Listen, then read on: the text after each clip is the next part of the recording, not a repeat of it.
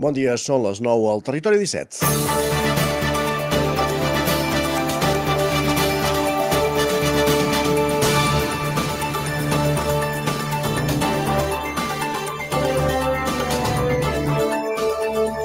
Aquí al Territori 17, amb l'Isaac Muntades, fem conya cada dia parlant del tren i els dèficits, mancances i contratemps de la línia del tren Barcelona-Vic-Ripoll-Puigcerdà, l'R3.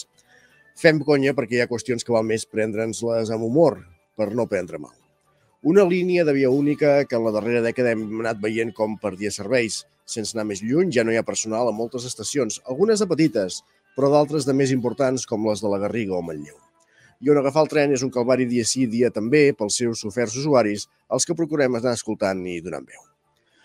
Qui durant la darrera dècada ha treballat incansablement per denunciar aquestes mancances, però alhora proposar i reclamar millores en positiu ha estat el col·lectiu perquè no ens fotin el tren, nascut ara fa 10 anys, davant l'amenaça que es deixés també sense treballadors l'estació de Torelló. I divendres feien l'acte de balanç i celebració.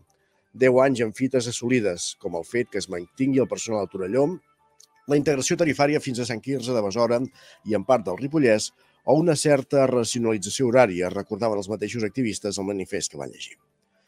També ha estat important posar el tren a l'agenda política i que s'hagi creat l'oficina tècnica de l'R3, que ja ha elaborat un pla de futur de la línia, al mateix temps que comencen les obres per desdoblar els primers trams. Alguns, que la línia es desdoblaria, ho hem sentit tota la vida. Ara hi ha projecte i recursos, cal que de recursos es continuï dotant el servei per tendir cap al que, sen, cap al que ens demana, tard o d'hora, dins la lògica d'aquest país, l'emergència climàtica. Per cert, que la celebració de divendres va ser a mitges. La meitat ho van celebrar abans que arribés un tren i els que venien en aquest tren més tard, coses dels retards i l'operativa d'una línia que també es volia fer sentir el dia de l'aniversari de per què no ens fotin el tren. És dilluns, 6 de febrer de 2023, el moment de començar el Territori 17 a la sintonia de la veu de Sant Joan, on ja fa anys que no arriba el tren.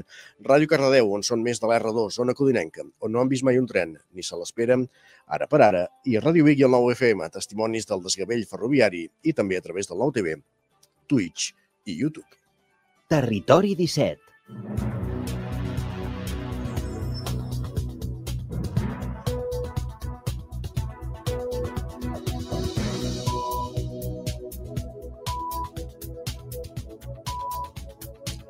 Dos minuts i mig que passen de les 9 del matí en el moment de començar el Territori 17 d'aquest dilluns 6 de febrer de 2023. Us acompanyarem durant dues hores en el magazín de les comarques del Vallès Oriental, l'Osona i el Ripollès, que arrenca tot seguit amb les notícies més destacades de les nostres comarques. comarques. Ocuparan bona part de la primera mitja hora del programa, on també farem un cop d'ull a la previsió del temps, una setmana en què es preveu baixada de temperatures i precipitacions. Veurem si en forma de neu, ens ho explicarà d'aquí una estona en Pep Acosta.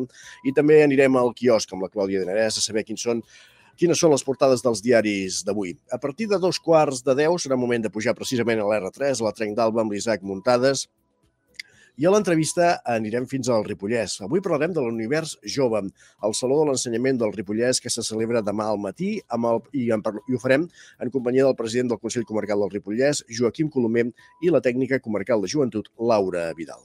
Abans de les 10 també passarem pels solidaris amb la Laura Serrat des de Ràdio Vic, avui aprofundint en el Tupim i arribarem al punt de les 10, si és el cas, amb música. A les 10 notícies, la previsió del temps i els esports. Moment de repassar com ha estat, com ha anat la jornada esportiva pels equips de, i esportistes del territori 17. A dos quarts d'onze en punt, com cada dia, les pilades més destacades que ha recollit en Guillem Sánchez de Twitter i acabarem el programa com cada dilluns amb la tertúlia esportiva després d'una jornada en què el Barça és més líder de la Lliga després de la victòria 3-0 davant del Sevilla, però també de l'ensopegada del Madrid 1-0 eh, contra el Mallorca. Empat de l'Espanyol 1-1 amb l'Ossassuna i victòria del València, victòria del Girona contra el València 1-0. Aquest és el menú del Territori 17 d'avui dilluns. Per tant, sense més preàmbuls, ens posem en dansa amb les notícies més destacades de les nostres comarques, les comarques del Vallès Oriental, Osona, el Ripollès i el Moianès.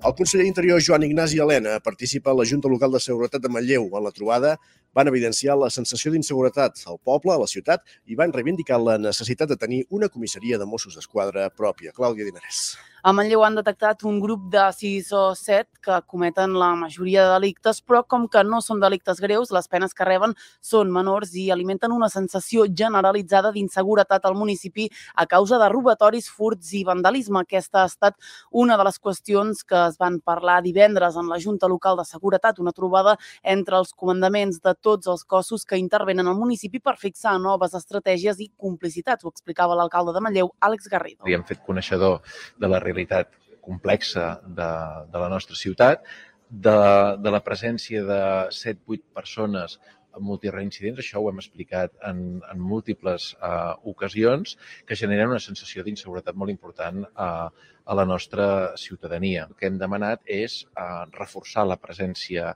policial aquí a la nostra ciutat, alhora que treballant aquestes estratègies multisectorials on eh, es pot abordar aquesta problemàtica, problemàtica de Manlleu des d'àmbits molt diversos, des de l'àmbit social, des de l'àmbit educatiu, formatiu, laboral, en la trobada hi va tenir veu el conseller d'Interior, Joan Ignasi Helena. Segons les últimes dades del departament, la bona coordinació dels cossos de seguretat ja estaria donant els seus fruits. Els fets delinqüencials anirien a la baixa. Hi ha hagut una davallada del gairebé el 20% eh, durant aquest darrer, darrer segon semestre de l'any de l'any 22.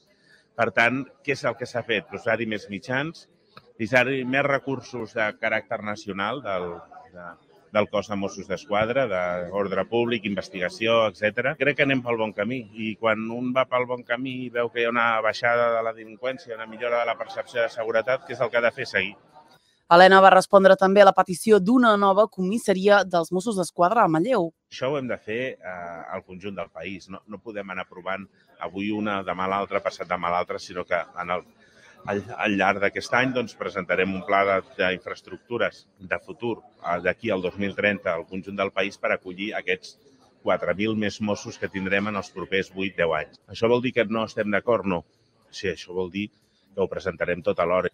La Junta va servir també per oficialitzar l'encàrrec d'un pla local de seguretat. Arnau Rovira és el regidor de seguretat de l'Ajuntament de Manlleu. Estem pendents d'aprovar el pla local de seguretat viària i ara ve el pla local de seguretat que, i comentant també les peticions també inclús de la posició de la Junta Local de Seguretat, que comentaven que fos més obert, el tema de seguretat va més enllà només de la policia.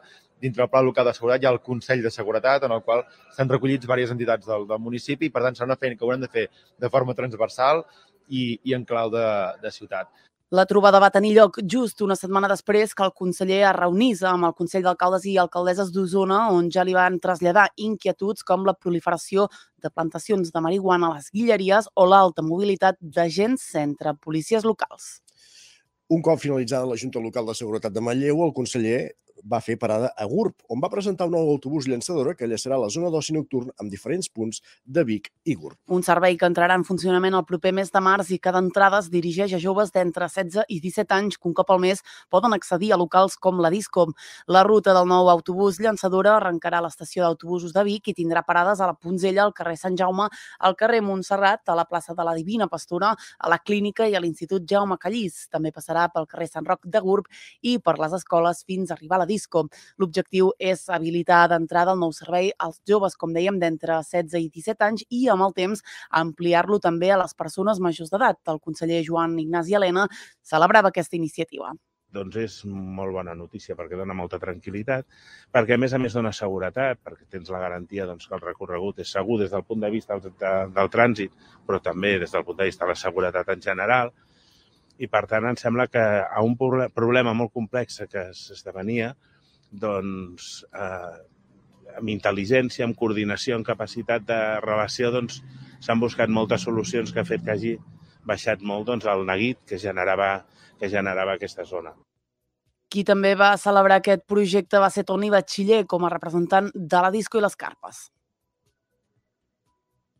I el servei, eh, nosaltres estem aquí en el, en el terme de GURB, però sí que és cert que nosaltres tenim molta clientela de Vic, no? del centre de Vic i una facilitat era poder trobar un bus llançadera, el servei no el podíem fer nosaltres directament com a privats i per això vam recórrer a l'administració per part de poder tenir aquest servei i donar als nostres clients aquestes facilitats. I més en aquest client que no té carnet, no té vehicle i és un client que agraeix molt aquest servei. La presentació a les portes de la disco i les carpes va comptar amb la presència de la delegada del, govern a la Catalunya Central, Montse Berniol, de l'alcalde de Gurb, Josep Casasses, i també de la regidora de Seguretat de l'Ajuntament de Vic, Elisabet Franquesa. I encara en l'àmbit dels successos, els Mossos d'Esquadra han detingut quatre joves per un delicte de robatori amb violència i per lesions a Vic.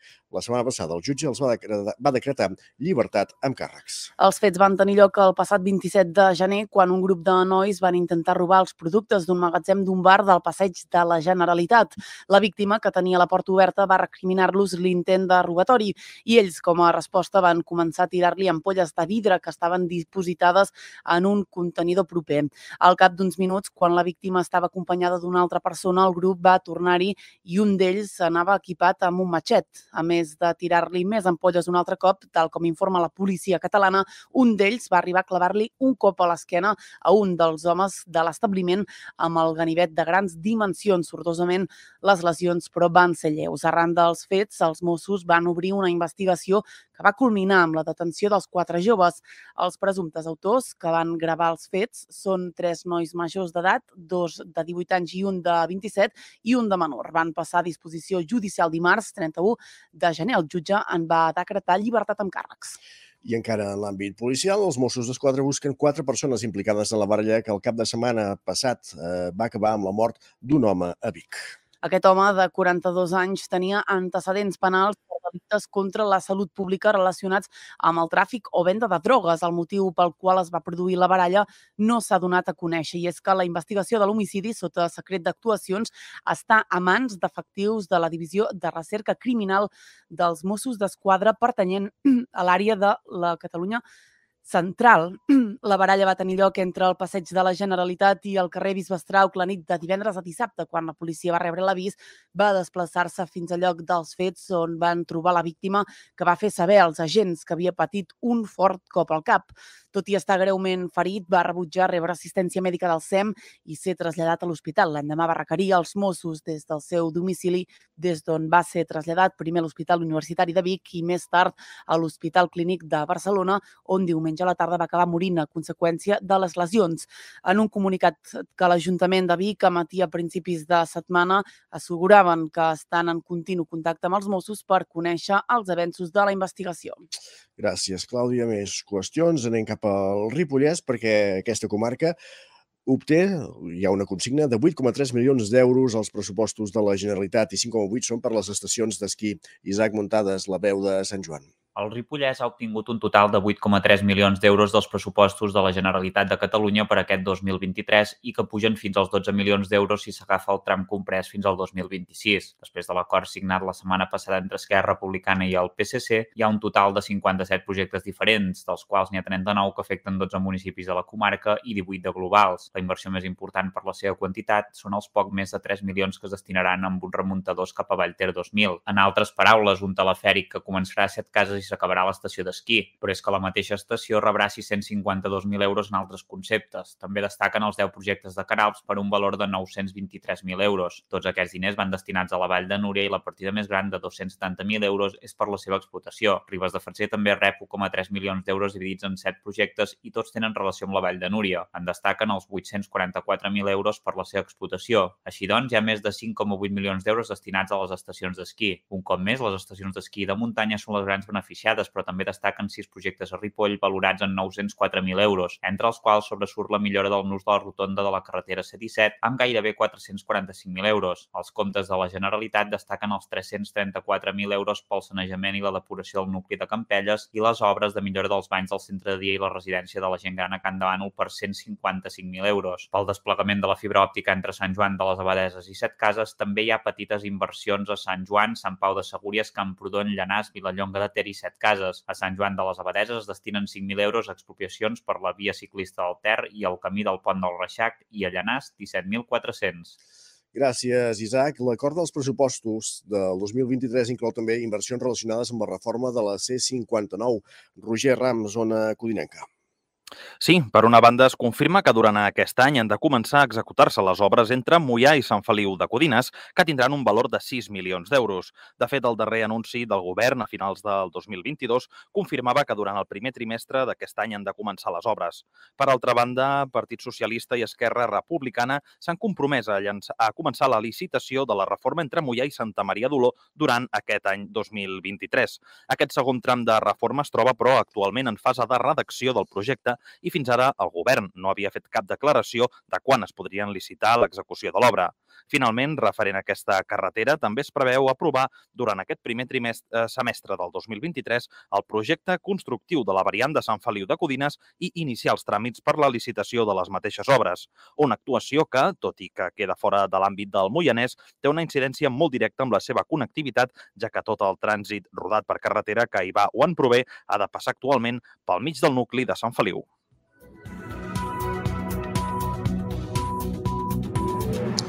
Gràcies, Roger. Acabem aquí aquest repàs informatiu que començàvem al punt de les 9 en companyia d'Isaac Muntades, Roger Rams i Clàudia Dinarès. Ara que passa mig minut d'un quart de 10 del matí, és moment de saludar en Pep Acosta i parlar del temps.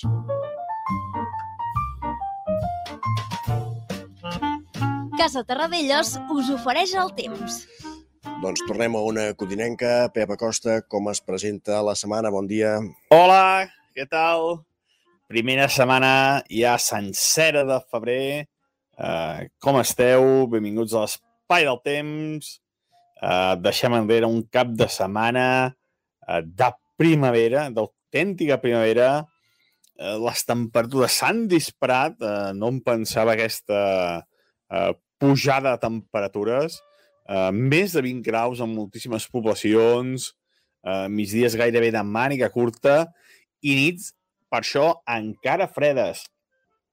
Hem tingut una amplitud tèrmica en algunes zones, en algunes comarques de Catalunya, de més de 20 graus, que és una autèntica, una autèntica barbaritat de la diferència entre les màximes i les mínimes. Més de 20 graus amb només eh, molt poques hores. És, és, és una, un fet molt, molt extraordinari eh, que ha passat aquest cap de setmana. Eh? Mínimes de 5, 6, 7 sota zero, i màximes de més de 20 graus. Uh, per tant, extraordinari aquesta, aquesta diferència entre el dia i la nit que hem tingut aquests dos dies a les nostres comarques, a Catalunya. Un cap de setmana dominat per l'anticicló, molt de sol, uh, un panorama del tot primaverenc uh, durant els migdies, eh? Els nits, tornem a repetir, que han sigut força fredes. Però això ha canviat. Ha canviat aquesta nit ha canviat. Ha començat a entrar eh, vent del nord, eh, vent fred del nord, nord-nord-est, i fa que la temperatura baixi en picat. Eh, ja no hi ha inversió tèrmica, és a dir, ja no fa més fred a les valls que alta muntanya. Aquesta nit glaçades importants a la muntanya, mm, cap al Montseny, 6, 7, 8 sota 0.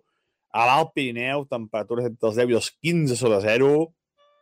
Per tant, ha refrescat i molt a alta muntanya i, en canvi, a les valls, a les zones més enclodades del país, la temperatura ha pujat. Això és degut a que ja no hi ha aquesta inversió tèrmica, és degut a que ja no hi ha aquesta, aquesta, aquest anticicló que fa que l'aire fred es quedi a les valls.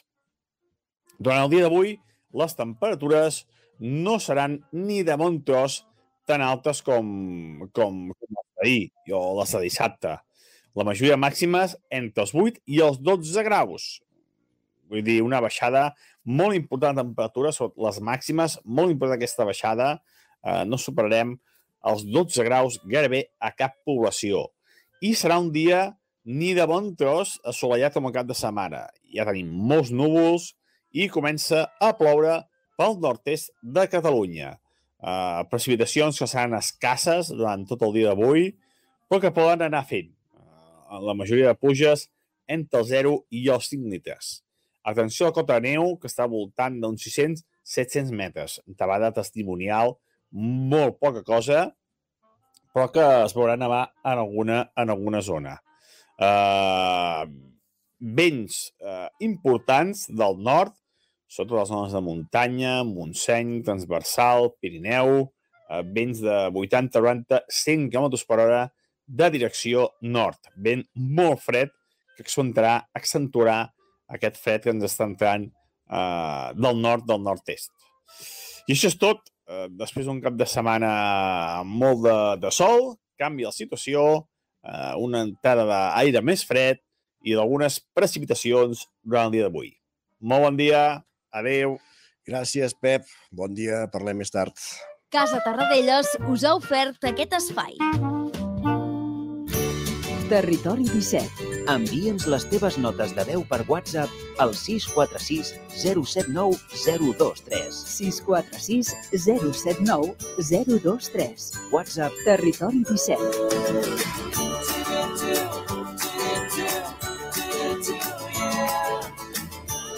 Territori 17. Som a Facebook, Twitter i Instagram amb l'usuari Territori 17.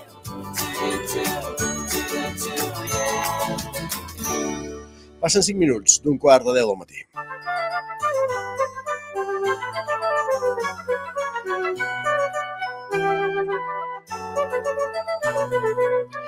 I al territori 17 és moment d'anar cap al quiosc, a saber quines són les portades dels diaris del dia. Clàudia, benvinguda, bon dia. Bon dia de nou.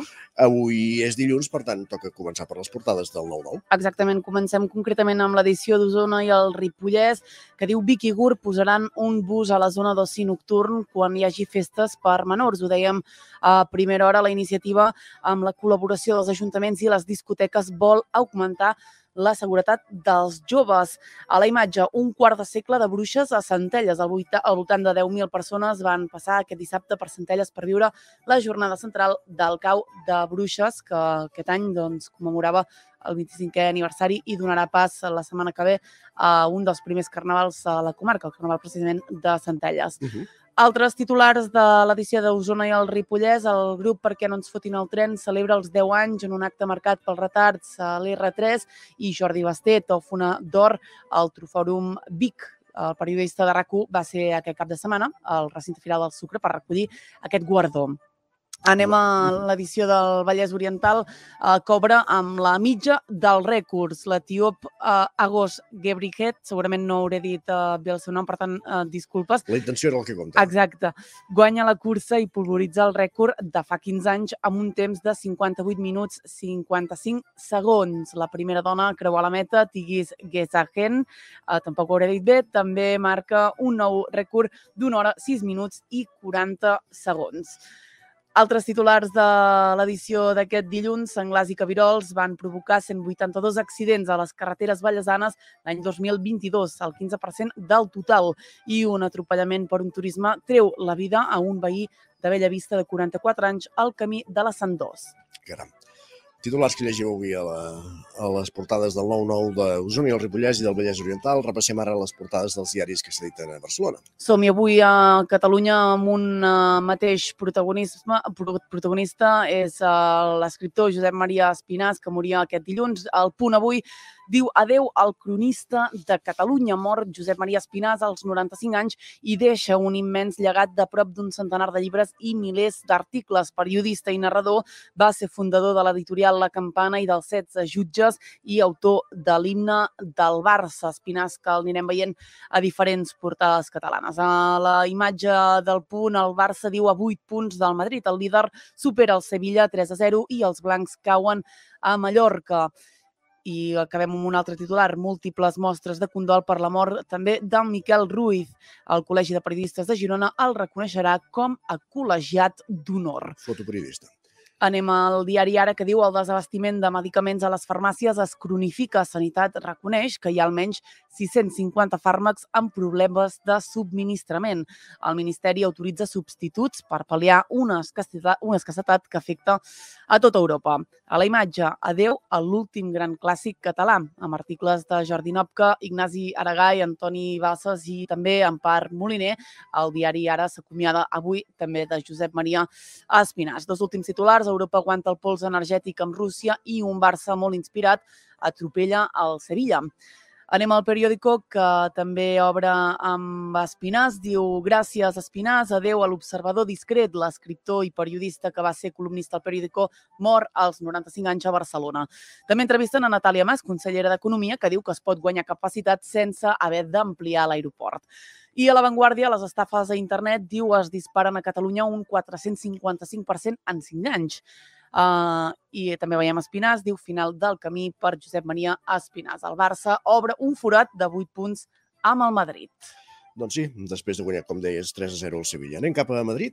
Exactament, anem a Madrid, anem al país que diu el Partit Socialista registra avui, sense Podemos, la reforma de la llei del només sí és sí. I unes dades que dona també el país, dos de cada tres espanyols, diu, estarien d'acord en què rics i empreses tributin més. El Mundo avui el PP amplia, diu, la bretxa amb el PSOE i suma més que tota l'esquerra. I a la imatge veiem eh, doncs, un reportatge que, que ha fet el diari, diu Fills de la guerra, parts sota el soroll de les sirenes. El Mundo doncs, ha, ha visitat una maternitat de Kiev, a Ucraïna, eh, i ens fan un avançament a, a la portada d'aquest reportatge. Anem a la raó que diu Moncloa fia la moció al rescat de la coalició i Montero manté el pols amb el Partit Socialista, tot i assumir canvis en la seva llei. Acabem molt ràpidament amb l'ABC, que diu Podem s'abraça al sí i compara el PSOE amb el PP. Doncs l'Espinàs a Catalunya mm -hmm. i la reforma de la llei del només sí és sí a Madrid són els grans ítems de, de les portades dels diaris que trobem al quios. Gràcies, Clàudia. Fins ara. Fins ara. Avancem al territori 17. Tot seguit farem una petita pausa per la publicitat, però de seguida tornem a ser aquí amb tots vosaltres amb la resta de continguts previstos en aquest programa al tornar de la publicitat, anirem ràpidament cap al Ripollès per parlar de l'univers jove, el Saló de l'Ensenyament Ripollès, que se celebra demà i ho farem en companyia del, del president del Consell Comarcal Joaquim Colomer, i la tècnica comarcal de joventut Laura Vidal. Serà en connexió amb l'Isaac Montades, a la veu de Sant Joan. També eh, coneixerem, sabrem més detalls d'una entitat del tercer sector, el Tupi, amb qui ha conversat aquesta setmana la Laura Serrat de Ràdio Vic i que protagonitza els solidaris d'avui. Amb ells arribarem fins al punt de les 10 i encara quedarà mig programa per, per fer. Serà la segona hora més dedicada a l'àmbit esportiu, repassant els marcadors del cap de setmana pels equips de les nostres comarques i a la recta final, ja ho sabeu, la tertúlia esportiva després d'aquesta jornada de Lliga que ara repassàvem els diaris en què el Barça va guanyar 3-0 al Sevilla, el Madrid va perdre 1-0 al camp del Mallorca, l'Espanyol va empatar 1 amb l'Ossassuna i el Girona va guanyar 1-0 a València. 3 minuts i tornem. El nou FM, la ràdio de casa, al 92.8. Al forn de pa i pastisseria Glina hi trobareu una gran varietat de pans de producció pròpia amb farina de blat i de molts altres tipus, tots elaborats al nostre obrador. També us oferim tortells, braços de gitano, coques, brioixeria i pastes seques i pastissos personalitzats. I ara també ens trobareu al Mercat Municipal de Torelló. Forn de pa i pastisseria Glina, carrer Major número 9 de Sant Vicenç de Torelló i Mercat Municipal de Torelló. Del 5 a l'11 de febrer torna el Carnaval de Centelles. Diumenge 5 tret de sortida amb el pregó de Carnaval i durant tota la setmana segueix les consignes esbojarrades del rei Carnestoltes cada matí a través de les xarxes socials i la web de l'Ajuntament. El divendres 10 de febrer, Rua de Carnaval de les Escoles i dissabte 11, Gran Rua de Carnaval a partir de les 5 de la tarda amb lliurament de premis i festa al pavelló municipal. Del 5 a l'11 de febrer, no et perdis el 42è Carnaval de Centelles. Aquest febrer l'Auditori Teatre Call d'Atenes et porta Circ amb acrometria, diumenge 12 de febrer a les 6 de la tarda. Teatre gestual amb tempus, diumenge 19 de febrer a les 6 de la tarda. I humor amb un tal Shakespeare, dissabte 25 de febrer a les 7 de la tarda. Més informació i venda d'entrades a teatrecalldatenes.cat. No t'ho creuràs, m'ha trucat el servei oficial de Saunier Duval perquè han detectat a distància que li falta aigua a la caldera. Era a casa i no me n'havia adonat. I què has fet? Res, perquè el meu servei de manteniment Mi Saunier Duval Connect m'ha donat una solució en qüestió de minuts. Informeu-vos a connectivitat.saunierduval.es. Saunier Duval, sempre al seu costat. Bon dia, són les 9 al Territori 17. Cada matí i durant dues hores t'acompanyem i et posem al dia de l'actualitat de casa nostra. Potenciant així l'autonomia En aquest cas, me la peça el teler, si no... cursos per feminitzar el pensament masculí. Territori 17, el magazín matinal d'Osona, el Moianès, el Ripollès i el Vallès Que Oriental. la meva àvia de 93 El 9 anys... FM, el 9 TV, el 99.cat i també els nostres canals de Twitch i hora YouTube. demà per fer-se un tatuatge. Cada matí, Territori 17. Ole. Cocodril. Si t'agrada la bona música dels anys 60, 70 i 80, escolta el 9 FM als matins de dissabtes i diumenges d'11 a 1.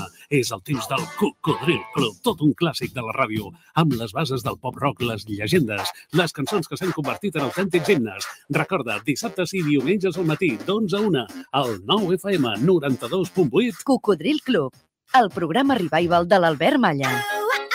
Hasta luego, cocodrilo. La ràdio de casa al 92.8. El 9 FM.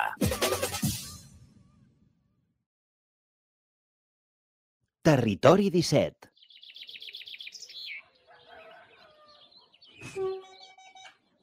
A Tren d'Alba.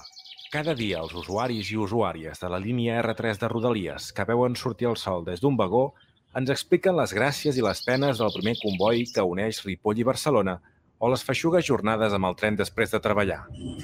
Benvinguts a Tren d'Alba. La plataforma perquè no ens fotin el tren va celebrar el seu desè aniversari el divendres passat a l'estació de Vic llegint un comunicat i fent una mica de festa. S'hi podia llegir una pancarta que deia 10 anys de lluita, la lluita continua. I sí, perquè Renfe i Adif els van obsequiar amb 30 i 50 minuts tard respectivament. N'estan tips de tanta incompetència i n'estan cansats que els robin el temps. Aquests dies n'anirem parlant més d'aquest desaniversari, però ara us deixem amb la crònica d'en Jordi Valls d'avui. Bon dia, sóc en Jordi de Centelles. Avui el tren que passa pel meu poble a les 6.07 ha passat cap a Eivint i hem arribat uns 13 minuts tard. Hem arribat amb olor a cremadet. Anàvem, era un tren doble, el cotxe del darrere feia olor a cremadet i ens hem adonat que era cada cop que frenava. O sigui, aquell tren necessita que algú li echi un vistacillo. Després, a l'arribar a Sant Andreu, veiem que ens fiquen per una via lateral. Els que agafeu el tren normalment es va per les vies centrals, a Sant Andreu Arenal, i per una lateral. Uh, quin mal rotllo. Parem i hi havia un R4 direcció Vilafranca allà parat i sentim que avisen de que han d'assistir algú, han de venir al SEM, els, els serveis mèdics, i que aquell tren quedava allà parat.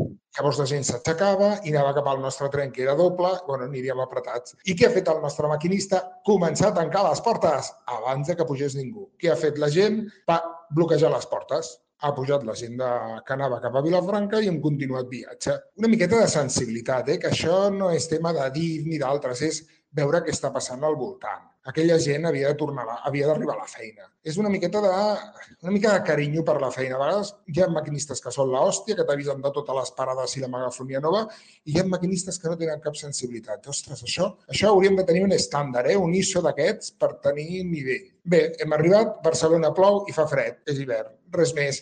Vinga, adeu-siau. Doncs sí, no estaria malament una mica més de sensibilitat i no mirar per un mateix. Què es pensava? Que si no pujava ningú al tren aniria més de pressa i podria acabar abans la jornada laboral? Va, ens retrobem demà amb més històries del tren i de l'R3.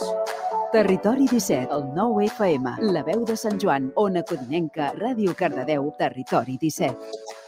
Passen dos minuts i mig de dos quarts de deu del matí.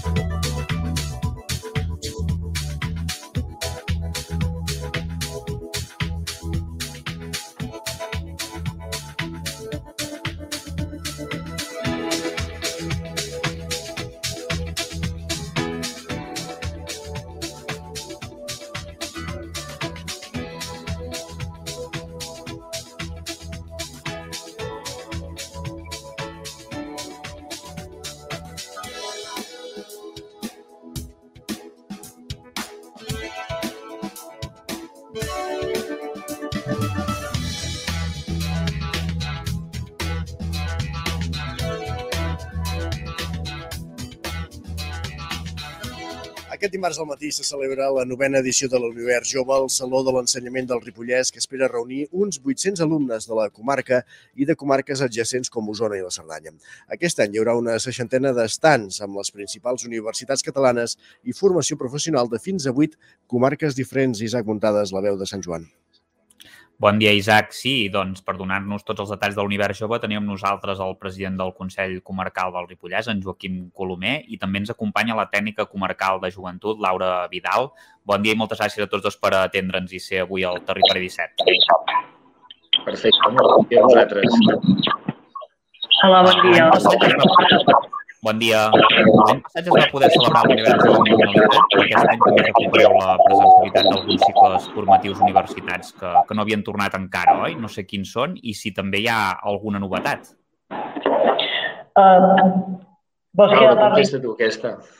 Sí, sí que hi ha centres nous, com la Pompeu Fabra, que no havien vingut uh, mai. Uh, altres centres que per la pandèmia pues, havien disminuït la seva presència en diversos espais, bueno, en fires, i en aquest cas va ser la Universitat de Lleida, que s'ha recuperat, també que tornés a venir, vull dir que hi ha tants que, agra- degut a la pandèmia, pues, s'ha baixat la seva, el seu, la seva participació, però ara han tornat a, a reemprendre-la, no?, en aquest cas. I com a novetats hi ha les, les, els dos espais de xerrades per poder emplenar, bueno, per poder omplir, no, que no només sigui una visita, sinó que a part els hi aporti més a, amb els alumnes i en aquest cas doncs, a xerrades doncs, com de competències del segle XXI, intel·ligències múltiples, no? que complementin a part de la visita que, que fan a l'espai.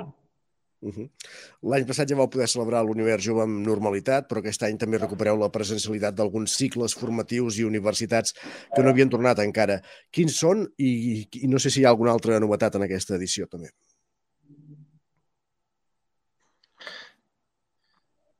Jo mateix? Endavant, sí, sí. Eh, bàsicament, com a novetat i per primer cop, doncs, tenim presents eh, la Universitat Pompeu Fabra, eh, com vam comentar, i també doncs, la- l'escola de la Fundació Universitat Autònoma de Barcelona, amb els seus cicles de, de formació. Per tant, contents perquè hi ha doncs, noves novetats, eh, nous centres i, per tant, com cada any, innovant i donant un plus més a aquest univers jove. Mm, També us volia comentar que, eh, no sé si ens podeu parlar una mica més de les activitats que hi haurà durant el certamen. Quines xerrades i demostracions podem veure? Ara la Laura ens parlava d'això, eh? que hi ha aquest espai nou de, de xerrades. Què hi podrem veure aquí?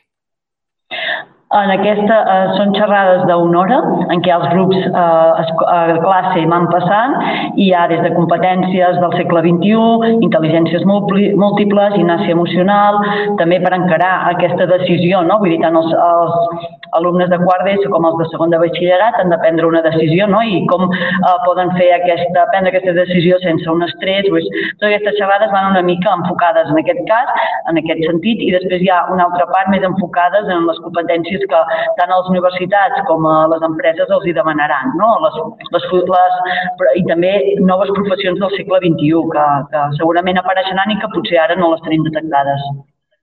Mhm. I l'univers jove ja està plenament consolidat i és un de, dels més importants de, de Catalunya, tot i que n'hi hagi de més grans, però en proporció sí que podem dir que és dels més importants, oi? En proporció de Doncs- visitants i de- d'alumnes. Doncs sí, nosaltres no ens volem qualificar en quant a números, però creiem que sí que és molt important doncs, una comarca com la nostra, com el Ripollès, una comarca rural, una comarca de Pirineu, allunyada doncs, de les grans capitals, doncs, poder tindre un certamen o un univers jove com el que tenim. La veritat és que eh, això ens fa molta il·lusió eh, i, i ens fa doncs, que estiguem treballant molt dur any rere any, sobretot els tècnics i tècniques, doncs, perquè això sigui possible i, per tant, doncs, contents de poder-lo mantenir, tot i les dificultats doncs, que tenim. Uh -huh. Sí que heu denunciat falta d'implicació del Departament d'Educació durant tots eh, aquests anys. Hi ha alguna classe de representació del departament o d'alguna altra conselleria?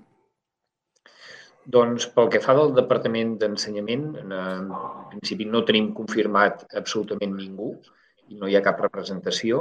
Pel que fa d'altres conselleries, sí. Per exemple, d'universitats tenim el secretari general, per part de joventut també tenim representació com hem tingut cada any i, per tant, doncs, de- d'acció climàtica també tenim representació. Mhm. Uh, no sé si trobeu a faltar una mica aquesta, aquesta ajuda no? des del Departament d'Educació, o sigui, que aquests últims anys que no, que no hi ha estat i que sí que l'heu tingut més de part de, de joventut, oi? Què, què hi trobeu a faltar i què veieu que fan altres uh, uh, salons de l'ensenyament que no fa amb, amb l'univers jove? Vols començar tu, Laura? Bueno, aquest suport no, que el que comentava el president, en aquest cas una mica de suport de dir no només amb el suport que tenim ja dels centres de la comarca o, els, serveis educatius del Ripollès, que sí que en aquest cas, eh, però per exemple no, a comarques veïnes doncs, no reforçar eh, que hi ha aquest saló, que aquesta fira i que també la puguin venir a visitar i es siguin promovent no, doncs, potser fires eh, més properes cap a, bueno, a Girona, que els hi, en aquest cas doncs, hi donen més, més suport. Mm -hmm.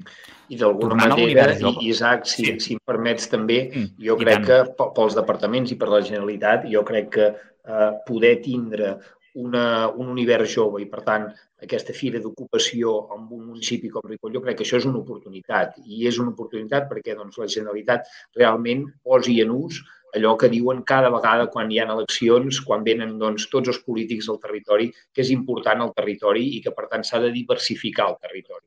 Aquí jo crec que seria un punt importantíssim i on es podria demostrar que realment es creuen això que, que tant es diu i que tan poc es fa, que és diversificar amb el territori i repartir amb el territori una mica el que comentau, eh, de centralitzar no? en, en aquest sentit, que potser també és el que, el que heu reclamat, no? que no, no s'aposti tant només per Barcelona i Girona, sinó que també es faci per, a, per al Ripollès, oi?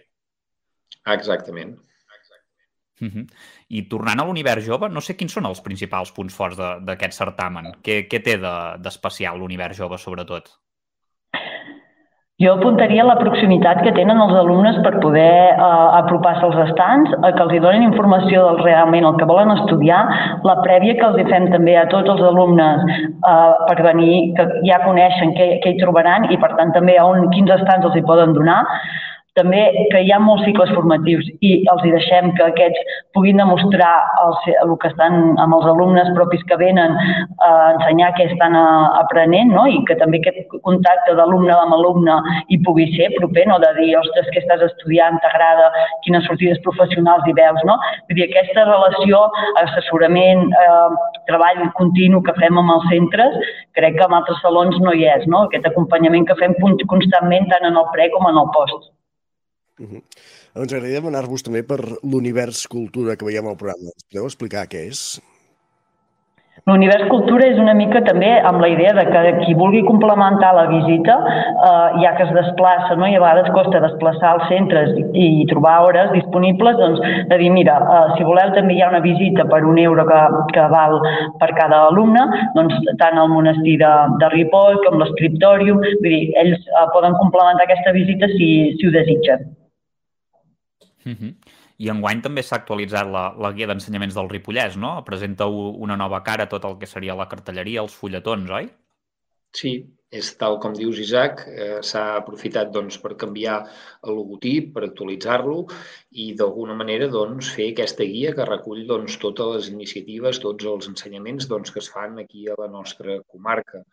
Eh, tot això penjant doncs, d'aquest doncs, únic tríptic, aquest únic format, que també doncs, estarà disponible a la web de joventut eh, del Ripollès i també doncs, se n'han editat eh, exemplars en paper que s'entregaran eh, durant doncs, l'univers jove. I, per tant, és una eina que tenim recollits tots els ensenyaments doncs, d'aquí doncs, de casa nostra i que, per tant, doncs, a vegades, quan el fullegem, quedem parats de tot el que hi arriba a casa nostra, que moltes vegades desconeixem.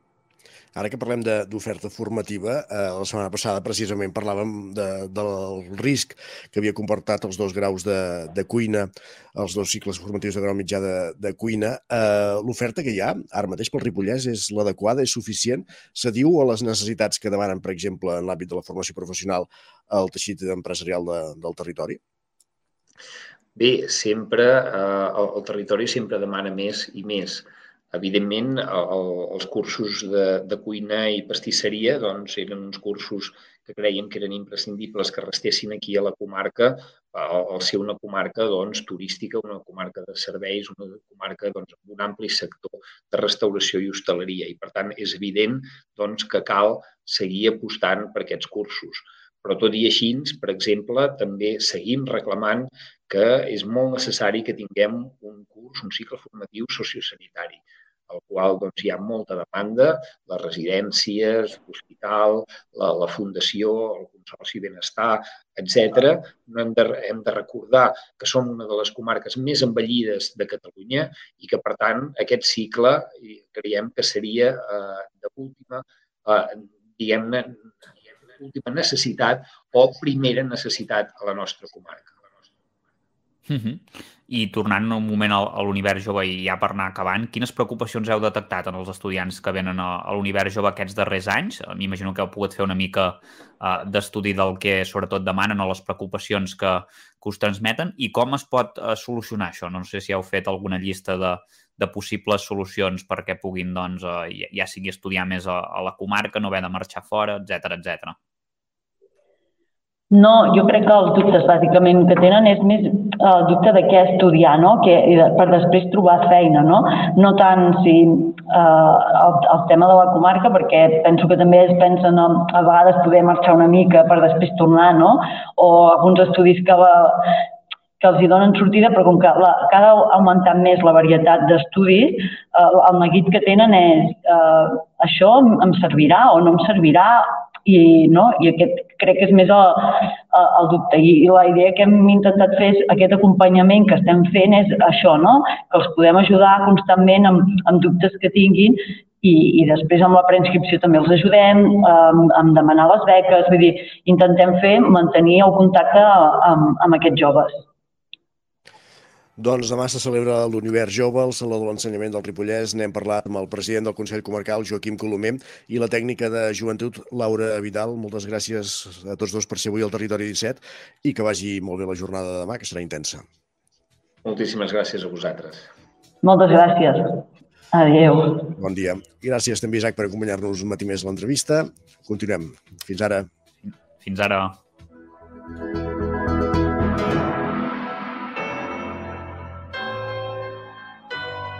Territori, Territori 17. 17. Territori 17.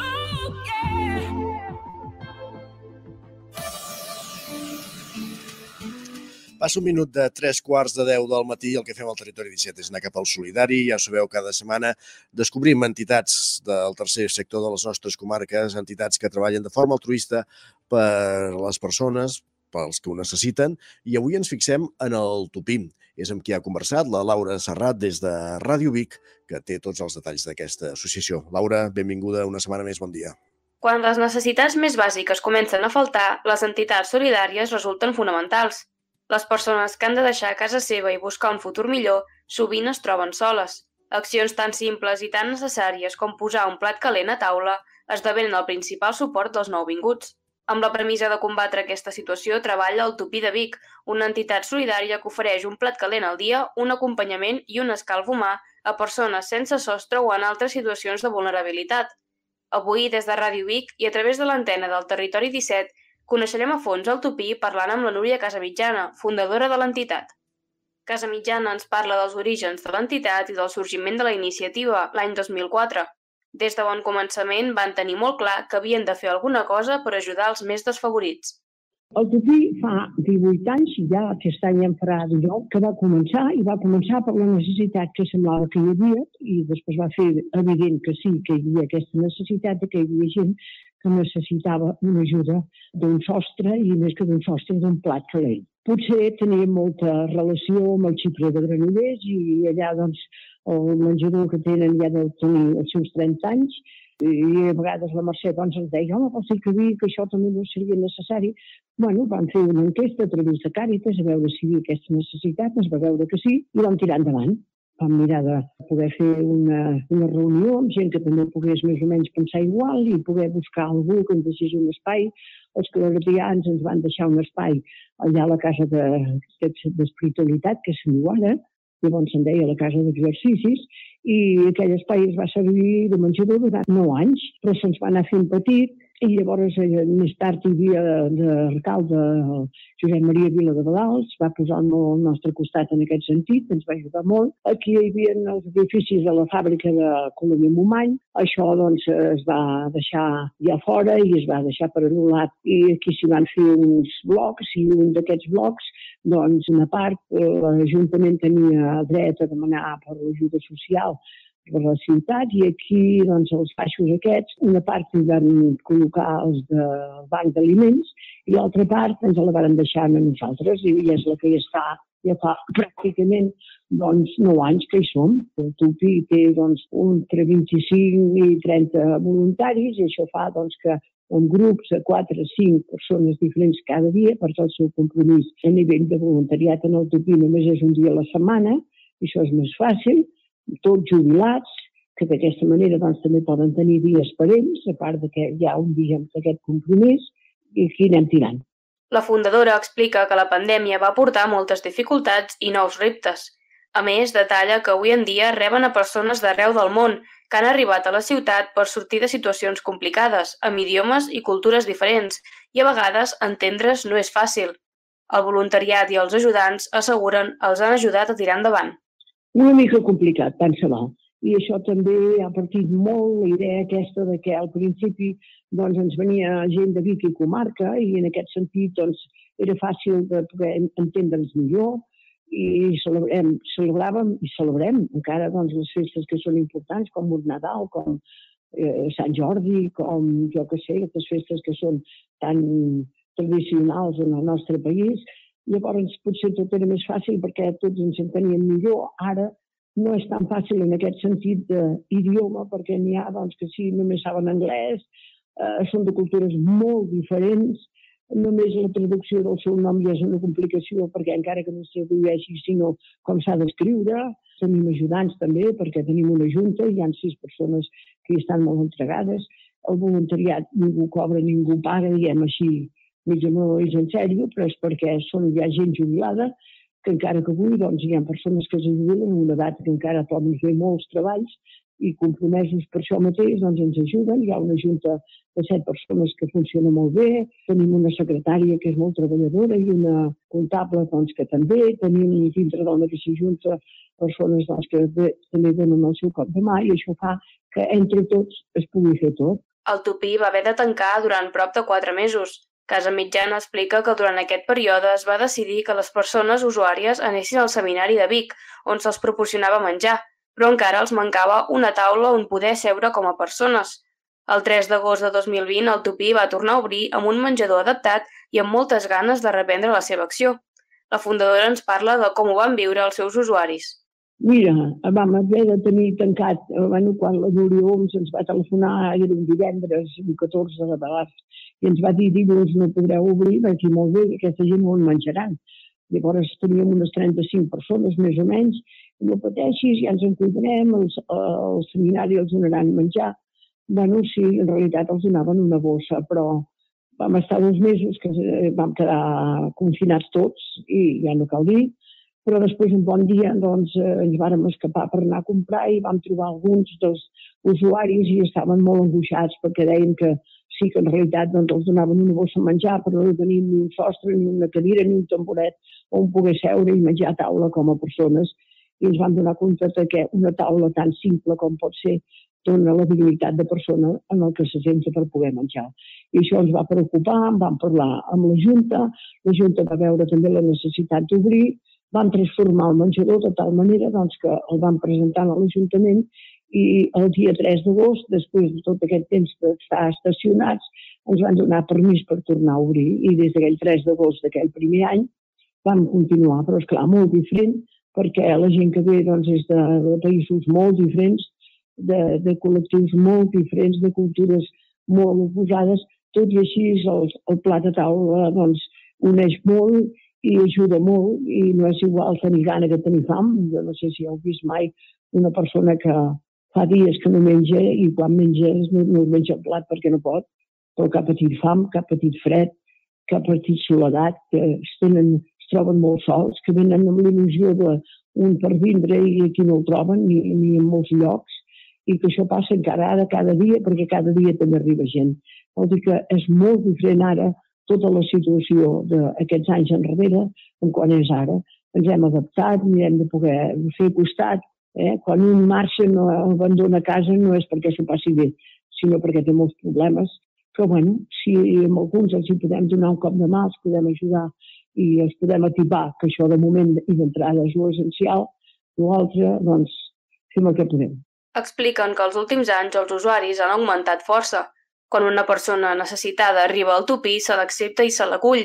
Tothom té un plat a taula, però se li fa un paper de derivació a benestar social de l'Ajuntament per poder-ne conèixer la procedència i buscar solucions.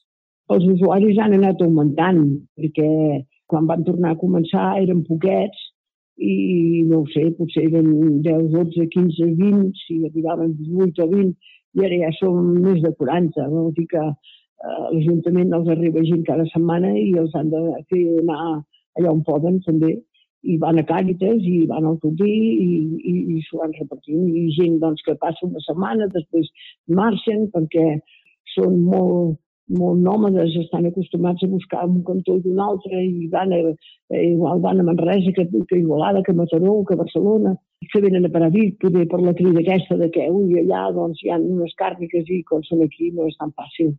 Res és fàcil, tal com estem. Però bueno, n'hi ha que se'n surten i que són treballadors i que passen les seves eh, primeres setmanes prou dures. L'Ajuntament fa més del que pot, això és real perquè, eh, perquè ho vivim i, i també se'n surten com poden, per suposat. I bueno, els que ens arriben aquí, doncs que ja estan, ja venen amb una fulla derivats doncs, de, de l'Ajuntament i els que passen i no porten cap fulla, doncs es pot suposar doncs, que si tenen gana poden entrar, només faltaria. Però llavors som nosaltres que els derivem allà perquè allà els puguin ajudar, els puguin donar la mà i, i, i puguin mirar a veure per quin cantó se'n poden sortir. Entre 30 i 35 persones voluntàries s'ocupen de tota la gestió que comporta el tupí. La majoria són persones jubilades. La fundadora assegura que allò més difícil és pensar cada dia quins aliments tindran disponibles per donar el dia següent. La pujada del preu dels costos i dels aliments, expliquen, l'han pal·liat amb molta ajuda. Els productes arriben de recollides d'aliments que es fan en algunes escoles, botigues i empreses, i també de donacions particulars i dels 60 socis que formen part de l'entitat. Bueno, el dia a dia, doncs, mira, no sé, potser que ja hi estàs tan adaptat que el dia abans del vespre, a part de, de fer un resum de com ha anat aquell, ja penses, doncs, hablem demà què tens per poder donar. Gràcies a Déu, mai ens ha faltat menjar per poder equipar, mai, mai, gràcies a Déu, mai. Vic és una ciutat acollidora, és una ciutat que també té molt sentit d'ajuda envers els altres. Hi ha empreses que hi anem cada setmana a recollir, hi ha botigues que també ens telefonen quan eh, hi ha una, un accés del que sigui. Això fa doncs, que puguem tenir un magatzem preparat com per poder-los equipar. Vol dir que equipar 40 persones no és problema. El problema és poder entendre aquestes persones avui. Per això, per l'idioma, per la cultura, per la manera en què venen d'il·lusionats i aquí es troben fracassats, es troben sols, es troben buits d'ajuda i és clar, això no és fàcil. N'hi ha que només saben anglès, n'hi ha que només saben el Marroc, n'hi ha que, que no saben res de res i, bueno, i com t'hi entens, per, per, per posar el plat a taula no és problema, però per entendre la seva complicació, doncs sí que és problema. Però ens en anem sortint, no sé. També tenim assistents socials molt macos que ens fan costat, a pensar doncs, que això és portat per, per una trentena o 35 persones que són, som voluntaris però d'una edat de 60 per amunt i de 70 i de 80. La físicament l'ajuda hi és, l'acollida hi és, vol dir que aquí està doncs, la nostra utilitat, poder-los acollir, poder-los atendre, entendre, que no és igual que atendre, atendre ho fem sempre, entendre és més complicat, però tot i així, també el dia a dia dona els seus passos i també això fa doncs, que aquell que ja porta tres setmanes o un mes, pues, ell puc entendre una mica el català, inclús a vegades alguna paraula, i tu puguis entendre una mica més la seva situació. I a vegades hi ha coses que amb la mirada ja parlen. Casa Mitjana assegura que possiblement no hi ha prou consciència de la feina que es fa per a totes aquestes persones, perquè si no es viu, no se n'és conscient. L'entitat es finança a través d'una quota de 10 euros que paguen els socis i les aportacions de l'Ajuntament de Vic o de la Caixa, a més de les donacions anònimes. Mira, nosaltres tenim uh, un compte corrent a la caixa de la Divina Pastora, allà a la plaça de l'ambulatori, i tenim, no sé, em sembla que uns 60, em sembla que no m'equivoco, de socis que el preu de 10 euros l'any, qui tingui més i consciència per posar-hi més, doncs ben lliure, i que no arribi, doncs això ho vam fer des del primer dia i no ho hem tocat, perquè sempre diem que això va a la butxaca i a la consciència de cada un. El que no pot donar més sap que amb això en té prou i nosaltres ja ens és una ajuda. El poquet de mica en mica també és molt. I gent que tampoc és soci que un cop l'any doncs dona una, una quantitat o la deixa en un sobre o te la porta. Tenim una ajuda cada any de l'Ajuntament, que sort no tenim, perquè amb la l'Ajuntament podem pagar el gas, l'aigua i la llum que de llum se'n gasta molt, molt, i ara s'ha pujat molt, perquè, esclar, tenim dos congeladors, tres neveres, i, és clar doncs, eh, això va nit i dia, i estiu i hivern, i la llum no és el que es gasta, i l'aigua tampoc, però tot s'ha pujat, tot s'ha pujat. La fundadora assegura que el futur ideal de l'entitat seria aconseguir un centre d'acollida a Vic, on a les persones forasteres se les ajudi a situar-se i fins i tot a aprendre l'idioma. Aquest és un objectiu que fa anys que persegueixen i demanen. Es fa patent que l'acció d'entitats com el Tupí marquen una gran diferència en la vida d'aquestes persones. De cara al futur, esperen continuar amb els seus esforços i estan oberts a tots els projectes que puguin anar sorgint i que els ajudin a fer créixer la seva iniciativa. Després de gairebé dues dècades de servei, continuen brindant un suport imprescindible a qui més el necessita, una lluita que no pensen abandonar. Gràcies, Laura. Acabem aquí els solidaris d'avui que hem dedicat al tupí. Moment de posar-nos al dia.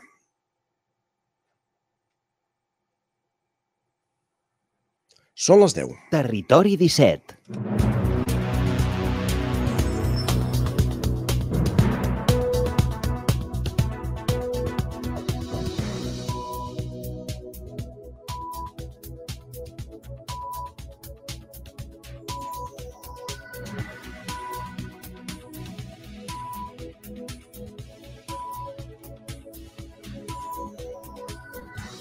És moment de posar-nos al dia d'actualitzar-nos amb les notícies més destacades de les nostres comarques, el Vallès Oriental, l'Osona, el Ripollès i el Moianès, i ho fem en connexió amb les diferents emissores que dia a dia fan possible aquest programa.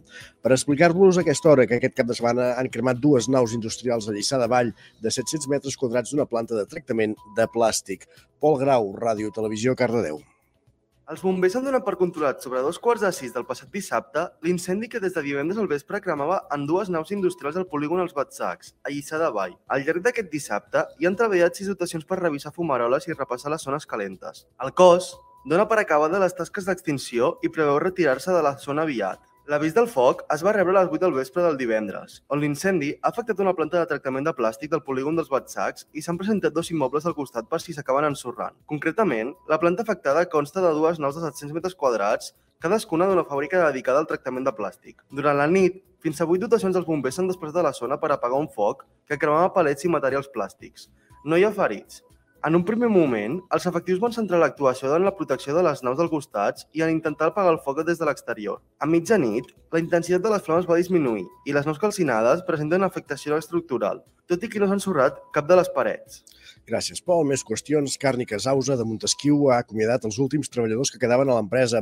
Ara, un grup de 23 extreballadors s'han agrupat amb un mateix advocat per resoldre la seva situació conjuntament. Clàudia Dinarès. L'empresa va justificar falta de liquiditat per no pagar-los ni tan sols la nòmina de desembre. Un dels acomiadats va ser Gerard Figueres, després de treballar en aquesta empresa durant 22 anys. Em van agafar a mi sol, i volien que, bueno, que em van explicar la situació, que no podien pagar la nòmina de, del mes de desembre i em van proposar un tracte, no?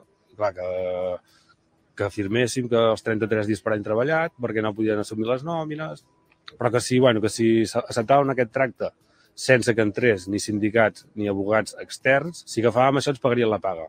Al final van mantenir la proposta acceptant un advocat extern. Figueres qualifica de molt trist al final de l'empresa que assegura que ha sigut com una pel·lícula. Realment és molt trist. Un poble com Montesquieu, que una empresa que hem arribat a ser 123 treballadors, si no recordo malament, ha, ha estat com, com, com una pel·lícula realment, perquè al principi d'any feina a tope, que no s'entenia res, i bueno, al final s'ha vist no? que tot el que era, tot és un muntatge, no hi ha més. Pel que tinc entès, no hi ha ni una taula dintre ni una trista cadira. Un cas excepcional és el de l'Antonio López. Va començar a treballar a l'empresa l'any 1995 fins al juny de l'any passat que se li va aplicar un acomiadament disciplinari. El seu ha estat el primer cas d'un extreballador que arriba al jutjat. Dilluns passat va haver-hi l'acte de conciliació al jutjat social número 1 de Granollers en què les dues parts van arribar a un acord i no va fer falta judici. L'empresa reconeixia la nulitat de l'acomiadament per defectes formals en la tramitació de l'expedient disciplinari i, en conseqüència, López torna a ser, a efectes formals, treballador de carn i casausa. D'aquesta manera es dona la paradoxa que és l'únic treballador que queda a l'empresa al marge de la direcció. Esta semana hubo el juicio, se la han dado por nulo y ahora pues vuelvo a ser de la empresa. Me, han, me tienen que readmitir, a partir del 1 de febrero vuelvo a trabajar en la empresa. Lo que pasa es que yo estoy de baja y no empezaré en la empresa hasta que el médico mío me dé el alta. López, des que va agafar la baixa el maig de l'any passat, ja havia vist moviments estranys a l'empresa. Compraban género, no se pagaba, no te traían género que te tenían que traer, se veían cosas que no, como cambiar de gerentes en el grupo de las empresas cada dos por tres. Amb tot això, els últims en sortir de l'empresa han estat la cap d'administració i tres treballadors de planta que han estat testimoni les darreres setmanes de com s'anaven buidant les naus de producte i de maquinària. De fet, dijous van rebre formalment la carta d'acomiadament. Més qüestions. Esquerra Republicana demana al Senat més seguretat als vagons de la línia R3. Després d'un seguit d'agressions, robatoris i intimidacions a passatgers de la línia R3 en les últimes setmanes, el senador usonenc d'Esquerra Republicana, Josep Maria Reniu, va fer arribar aquesta situació al govern estatal.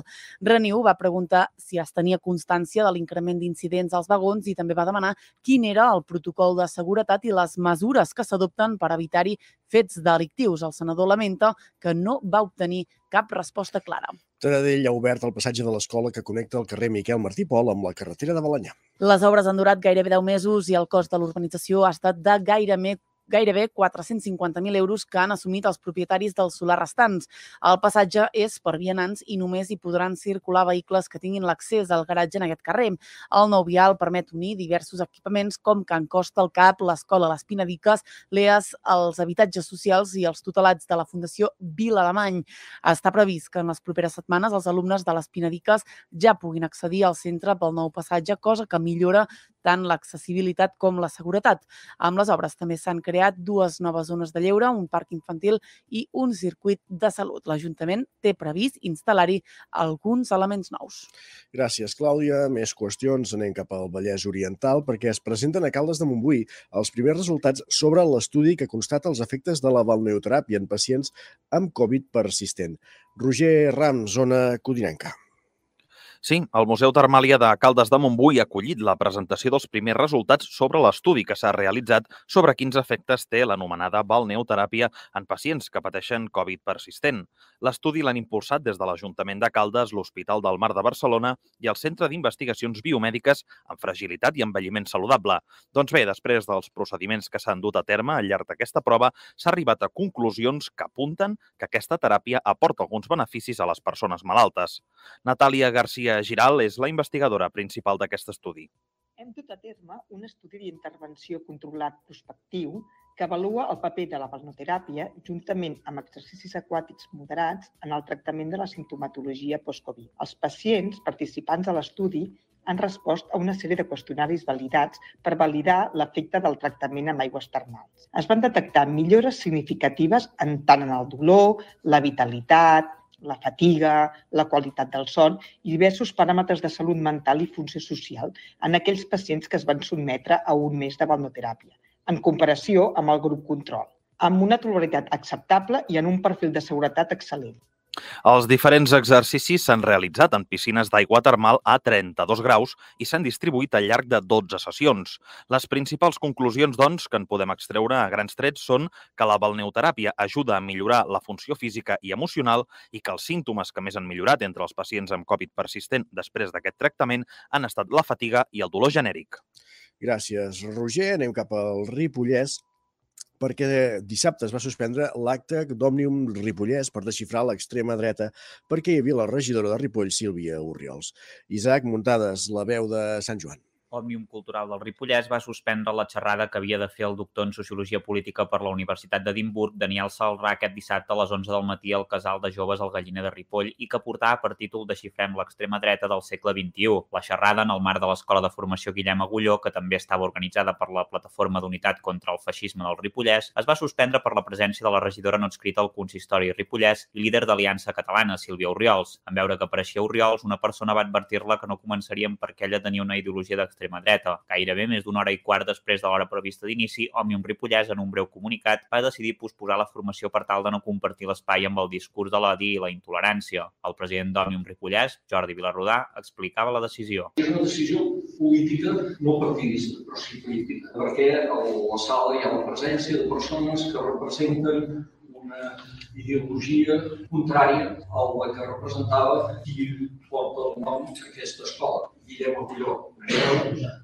militant independentista i antifeixista assassinat per l'extrema dreta l'any 1993.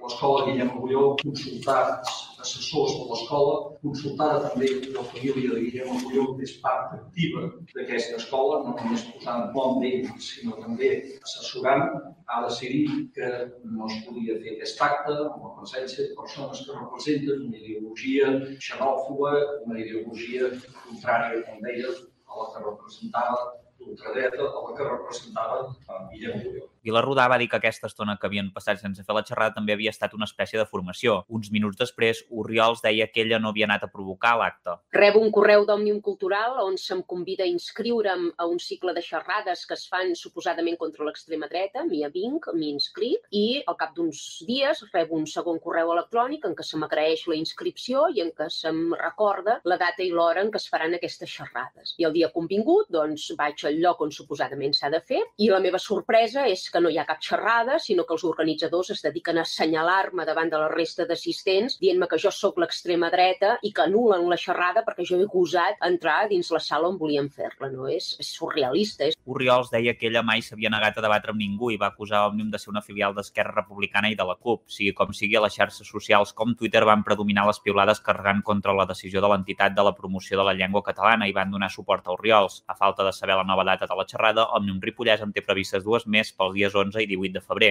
En la primera hi assistirà la diplomada en Educació Social Alba Cuevas per fer una anàlisi i implicacions del discurs d'odi en la societat i la segona, titulada Combatre l'extrema dreta des de la societat civil, anirà a càrrec del periodista de la directa David Bou. I a la pàgina esportiva doble rècord a la mitja de Granollers, Amagos Gebreibet, per sota dels 59 minuts. Pol Grau, Ràdio Televisió, Cardedeu.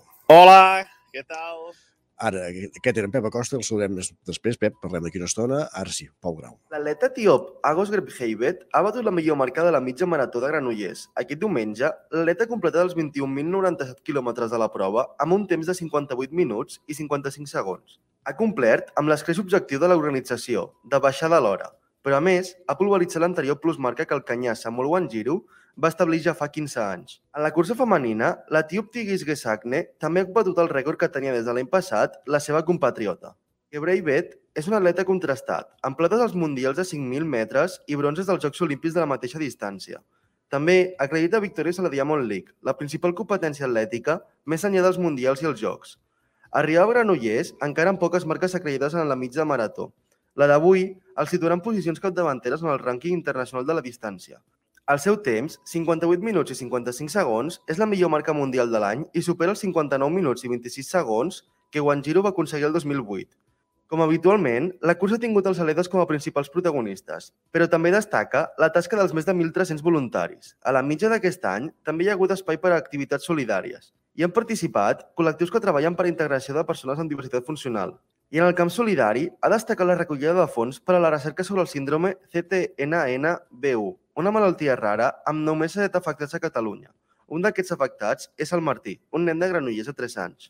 Gràcies, Pol. Acabem aquí aquest repàs a l'actualitat informativa del cap de setmana després d'aquests dos rècords a la mitja marató de Granollers, la distància a la mitja marató, 21 quilòmetres i 97 metres.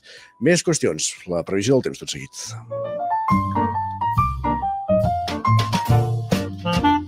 Casa Terradellos us ofereix el temps.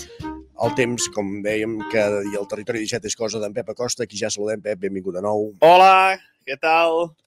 Durant el dia d'avui, les temperatures no seran ni de bon tros tan altes com, com, com les d'ahir o les de dissabte. La majoria màximes entre els 8 i els 12 graus. Vull dir, una baixada molt important de temperatura, les màximes, molt important aquesta baixada. Eh, no superarem els 12 graus gairebé a cap població. I serà un dia ni de bon tros assolellat com el cap de setmana. Ja tenim molts núvols i comença a ploure pel nord-est de Catalunya. Uh, precipitacions que seran escasses durant tot el dia d'avui, però que poden anar fent. Uh, en la majoria de pluges entre el 0 i els 5 litres. Atenció a cota de neu, que està voltant d'uns 600-700 metres. Tabada testimonial, molt poca cosa, però que es veurà nevar en alguna, en alguna zona. Uh, vents uh, importants del nord, sobretot les zones de muntanya, Montseny, Transversal, Pirineu, uh, vents de 80, 90, 100 km per hora de direcció nord. Vent molt fred que accentuarà, accentuarà aquest fred que ens està entrant uh, del nord, del nord-est. I això és tot. Uh, després d'un cap de setmana amb molt de, de sol, canvia la situació, uh, una entrada d'aire més fred i d'algunes precipitacions durant el dia d'avui. Molt bon dia, Bon adeu. dia. Doncs estarem pendents de com evoluciona el temps durant la setmana i n'anirem parlant amb en Pep Acosta. Gràcies, Pep. Fins demà. Bon dia. Casa Tarradellas us ha ofert aquest espai. Mig minut, perquè sí, un quart d'onze del matí parlem d'esports al territori 17.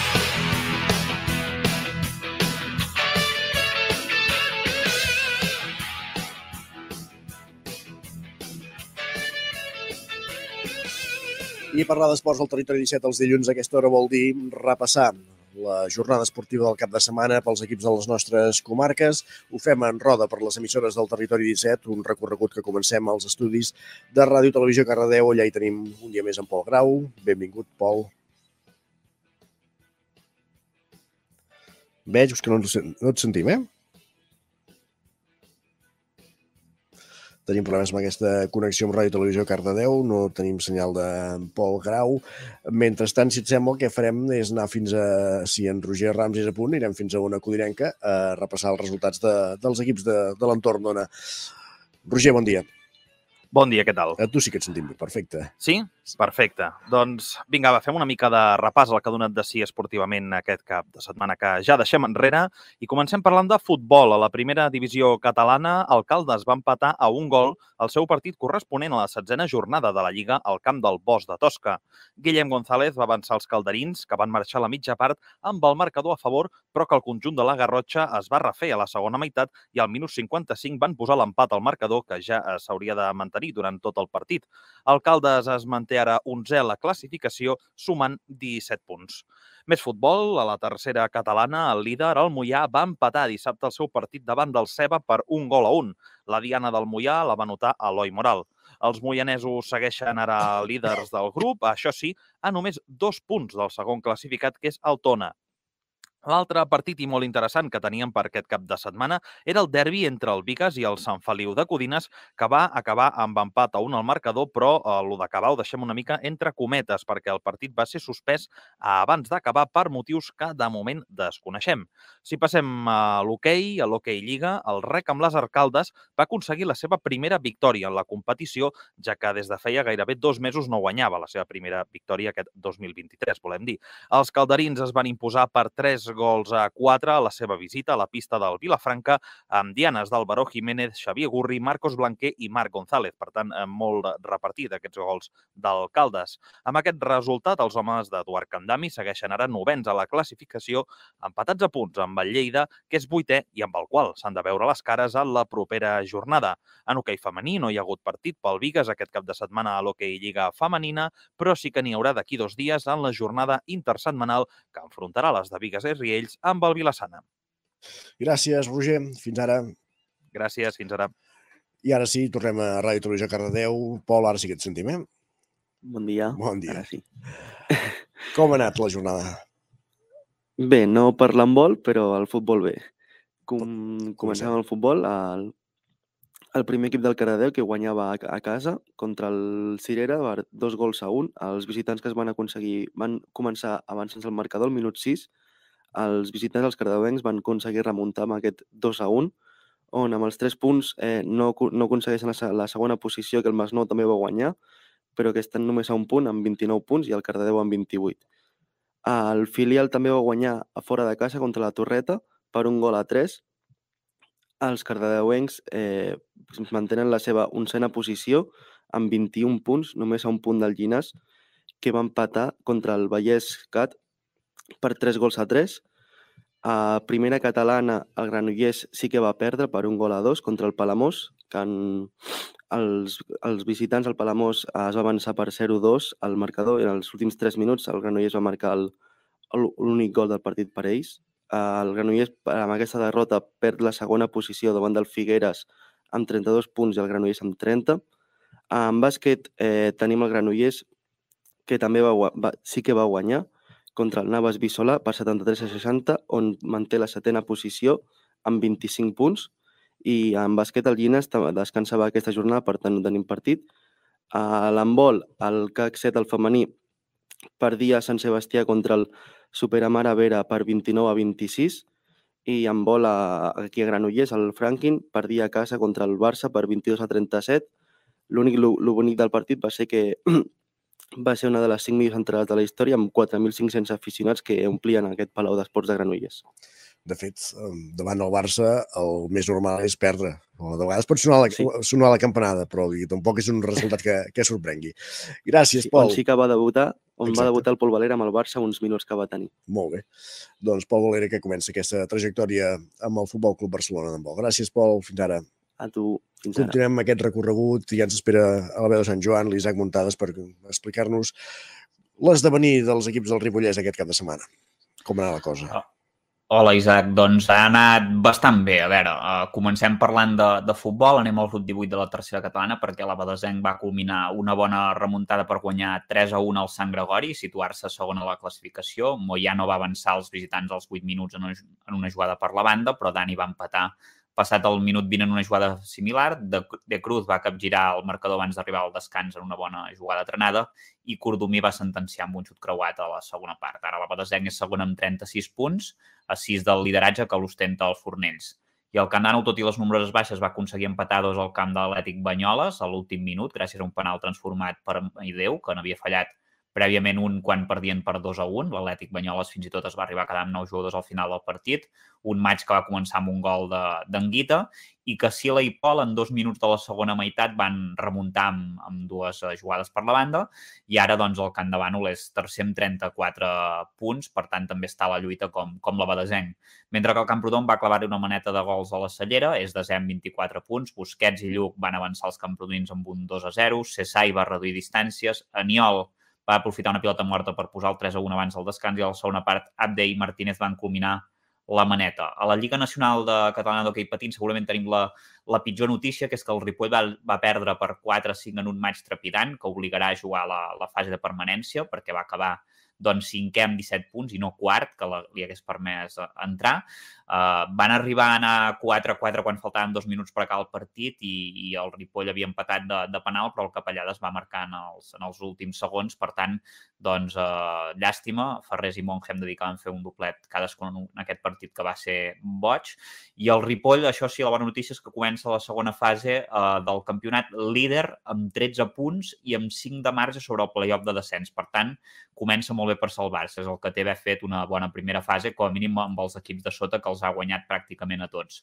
I a la primera nacional de futbol sala, per acabar, el Ripoll va vèncer còmodament els Centelles per 7 a 0 en un gran partit amb gols de Carlos, Moja, Khalid, Canjal, Eric i Pere per partida doble. I ara mateix és cinquè amb 27 punts i està a 7 de la primera posició i ja podem dir que aquesta temporada ja no lluitarà per baixar, sinó que lluitarà per, per cotes més altes. Gràcies, Isaac. Parlem d'aquí una estona. Fins d'aquí una estona. I ja acabem aquest recorregut als estudis del 9FM, on hi ha l'Ester Rovira. Benvinguda, bon dia. Bon dia. Uh, comencem amb hoquei nosaltres, si us sembla, i Endavant. amb el Voltregà d'hoquei Lliga, que va reaccionar tard en el seu partit davant de, del Calafell, amb qui va perdre per 5 a 6 en el que era el partit de comiat de l'hoquei professional de Pol Moles, uh -huh. eh, del jove jugador eh, que feia un any i mig que, que jugava al conjunt blanc i blau després de, del seu pas per al, per al Manlleu. Eh, en el cas de l'hoquei Lliga Plata, eh, aquest cap de setmana el grup nord, el Taradell, va perdre eh, la seva visita al Vendrell per 4 a 2. Eh, el porter Toda i la manca d'efectivitat dels tradellencs van ser els que van impedir els de Jeff Rovira puntuar i en el cas del grup sud de l'hoquei Lliga Plata, el Manlleu no va perdonar a casa contra el Tordera, aquí va guanyar per 5 a 3, mentre que el Patí Vic es va imposar també a casa el Palafrugell per 3 a 0 eh, i això permet ara mateix eh, als manlleuencs mantenir-se tercers, mentre que el, el Patí Vic escala fins a la cinquena posició, mentre que en el grup nord el Taradell baixa fins a la cinquena. I en el cas de l'hoquei Lliga Femenina, aquest cap de setmana només jugava el Voltregà Ester Motor, que va aconseguir eh, sumar un punt treballat a casa contra el Fraga, eh, que es va avançar eh, en el partit i el Voltregà va tenir la, la victòria a tocar eh, en el tram final de, de l'enfrontament. Això pel que fa a l'hoquei, en el cas de, del futbol, eh, tercera federació, eh, hem de lamentar que els errors van condemnar el Tona aquest cap de setmana en la seva visita al camp de, de l'Europa, un conjunt local que va saber aprofitar les errades dels tonencs per emportar-se la victòria per 3 a 0. Uh, un Tona que és 11è a la, a la classificació del grup 5 de la tercera federació. I a primera catalana la notícia és que el Manlleu es va imposar la seva visita al camp del líder, l'escala, uh, d'aquest grup 1 de la primera catalana, uh, en un partit marcat per la Tramuntana i per dos grans gols d'Omar i Alzina per part del conjunt Consta que el. Manlleu va passar com un vendaval. Exacte, eh? podríem, podríem titular-ho així, exacte. 1 a 2 eh, en aquest desplaçament a, a l'Empordà, eh, important per al Manlleu, que feia setmanes que se li escapaven punts eh, importants.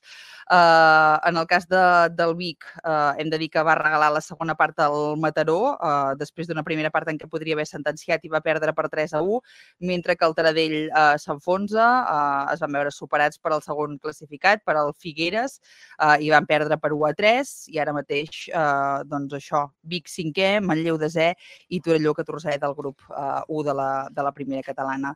Encara en futbol destacar també que el Vic Riu primer de la primera divisió nacional femenina va pat- patir una derrota en el temps de descompte en la seva visita al Riu d'Oms per 3 a, a 2. Sí. Um, normalment sempre destaquem bona defensa. eh, En aquest cap de setmana la línia defensiva biguetana no, no va tenir un bon dia i això explica aquesta derrota i un parell de punts més per, per acabar.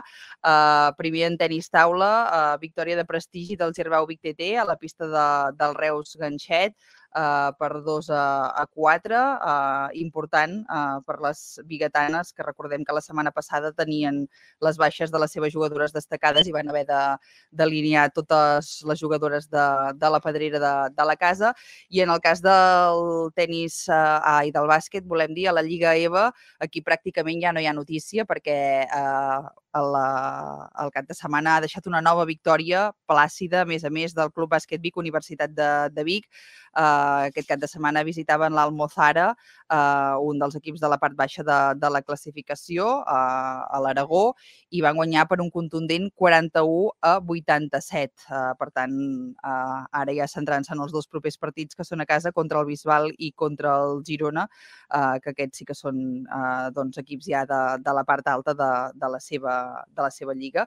I això seria el més destacat d'aquest cap de setmana, en què Vic també eh, ha acollit el Campionat de Barcelona de Xous de Patinatge i en Sí. què ha destacat el Club de Patinatge Artístic de Tona, que va aconseguir una triple corona a la capital de- d'Osona. I això seria tot el que ha durat de ser aquest cap de setmana. Que no ha estat pas poc. Exacte. Moltes gràcies, Esther. Que vagi bé.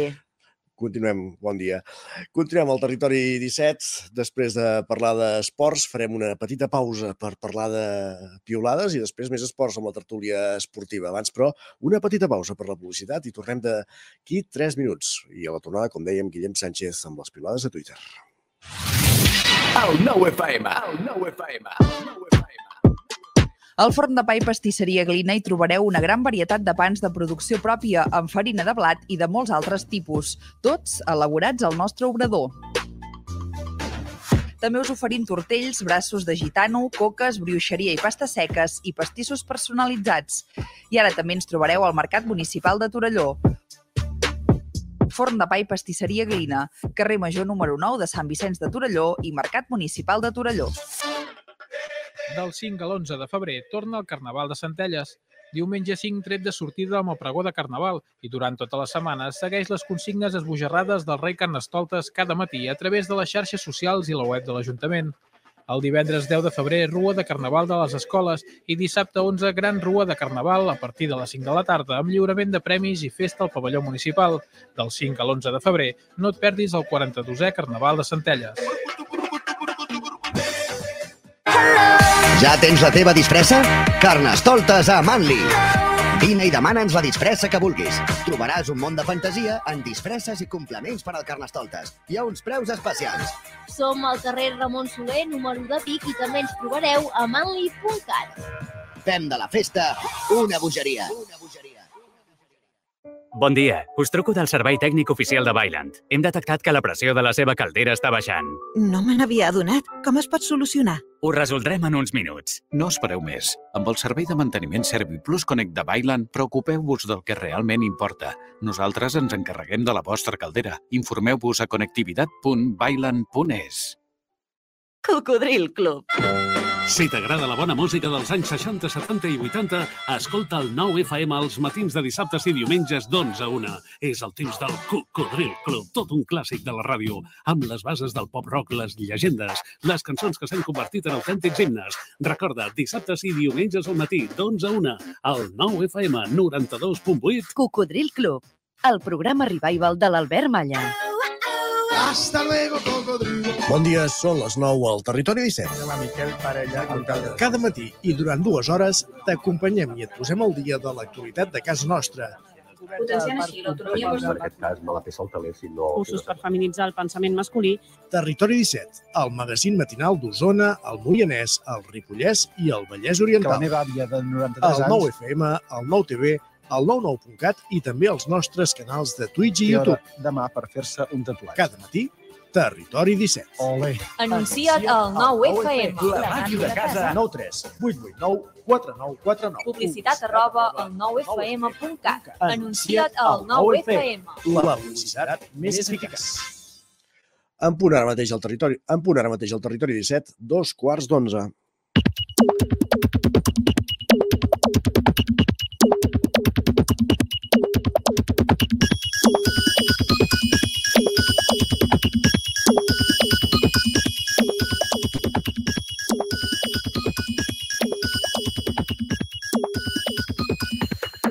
Guillem Sánchez, benvingut, bon Tal, dia. Com estem? Acabo de perdre la teva càmera, per tant, fantàstic. Bueno, la gent no em podrà veure frontalment, no, doncs? Exacte.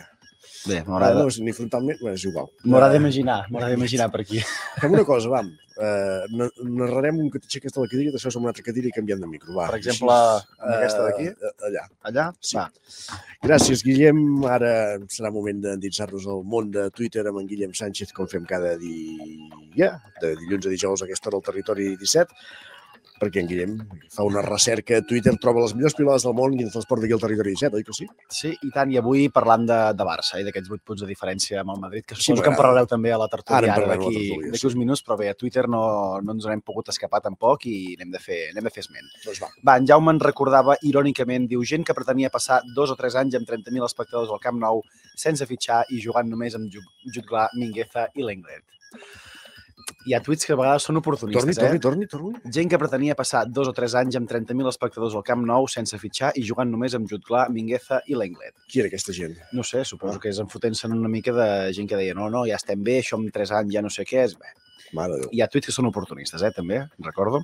Va, en Pere ens escrivia abans del partit i, diu que el Barça jugui un partit de Lliga al Camp Nou amb la possibilitat de posar-se 8 punts al Madrid és una cosa que m'ha generat certa tendresa, bàsicament perquè tinc la sensació que no passa des que era un nen petit amb els somnis intactes. A mi també m'agrada pel Mallorca. No estava que vagi sumant. I m'agrada molt el comentari que us llegiré ara mateix. Doncs va. Paciència amb l'amic que us envia avui per WhatsApp una foto d'un Audi A8, un termòmetre a menys 8 o la samarreta de Pedri. Diu, s'acaba de separar i demà té pàdel. Ha rebut ja algun meme, Ah, alguna fotografia, alguna... El que s'acaba de separar és l'amic. Pensava que era en Pedri. Perdó. Has rebut ja alguna fotografia d'algun... Eh, no em consta. fent referència al 8, no, no? Encara no? No, no, no. Bé, doncs eh, demà t'ho preguntaré a veure si n'has rebut alguna. Va, i recordem que el Madrid havia perdut abans al camp del Mallorca i aquest usuari en recorda, diu, madridistes convençuts que el partit que els hi ha fet avui al Mallorca no el fa mai cap rival contra el Barça. Diu, són entranyables. Sí, exacte. De fet, suposo que també se'n parlarà de la relació que hi va haver entre Vinícius i la resta de jugadors de, de Mallorca, que també s'ha de dir, va ser una mica escandalosa, diguem-ho així. I el escandalós també és que no veies la segona targeta groga, aquest personatge, no? També, també. És que hi ha moltes coses, hi ha moltes coses que sumen, hi ha moltes coses que sumen. D'acord. Va, canviem de tema i ens fixem en un dels grans problemes de la humanitat, que és el que ens acosta en Marc. Ens diu, es pot treure una taca de via enorme d'una des- dessuadora blanca? Si, si ets àgil... Sí? Acaba la frase, Isaac. No, no, si ets àgil i al moment li passes aigua i llavors ja fots... Bueno, no sé. És que hi ha gent que m'han sorprès les, les respostes, respostes. Va, que, ja. que hi ha hagut. Va, per exemple, diu, bitxí català, llet o vi blanc. Busca a Google i tria l'opció que més et convenci. Mare Aquesta és la primera. Més solucions. Diu, jo ho havia tret amb aigua oxigenada, ens diu en Pau. Tampoc se m'hagués acudit mai, però crec que la millor proposta és la que ens fa en Joan, que ens diu, sí, submergeix tota la dessuadora en vi. Llavors ja no hi ha taca, vull dir, ja queda, queda d'un altre color, però... Aquell aquell color, bé, maco. Va, i canviant lleugerament de tema una pregunta... garnatxa. I tant, i tant. Va, i canviant lleugerament de tema una pregunta que ens fa avui aquest usuari. Diu, quant cafè necessito per vèncer aquest dilluns? Hi ha algun rècord de quantes tasses o cafès es pot prendre una persona en un dia? No, la recomanació és com menys millor. A partir de quantes o de quants cafès has de considerar que és molt cafè? Jo penso que a partir de 4 ja comença a ser excessiu. Però A vaja. partir de 4. Això voldria dir un per esmorzar, una però és una opinió personal, eh? sense cap mena de per rigor científic. esmorzar, Eh? una mig matí, un després de dinar... I una mitja tarda. Ostres, el de mitja tarda ja se m'escapa una mica, però, però bé, sí, podríem dir que potser més de 3 o 4 ja, ja són masses. A l'Eloi per això també se li està fent ja pesat i farragós aquest dia d'avui. Diu, estic gaudint del cafè dolent de la universitat perquè veieu els ànims que tinc a sobre. Veus? No em parleu de cafè, que jo avui encara no he fet el meu primer cafè, però vaja. Te'l puc anar a buscar ara, No Isaac, cal, eh? no si, cal. si vols. Va, i abans de la tertúlia esportiva acabem amb una gran reflexió d'en Joel que ens escriu la gent que en una calçotada no s'ho capà amb el romesco no és gens de fiar. Home, per què és el romesco? Sí. O potser hi ha gent que només se'l posa amb el calçot, sucat i ja està. Però clar, amb el que en sobra llavors n'has de fer alguna cosa i amb el, amb el pas segurament que està molt Els calçotades tenen coses molt bones i els calçots són bons. Ara, el romesco és espectacular, per tant, Doncs el romesco vinga. hasta amb el tall. Quin dia, Tot, tot. quin dia quedem, Isaac, per fer la calçotada? Quan vulguis. Quan vulguis. Hi haurà cafè, també. Esperem, esperem que sí, per fer-ho baixar tot. Gràcies, Guillem. Que vagi bé. Bon dia.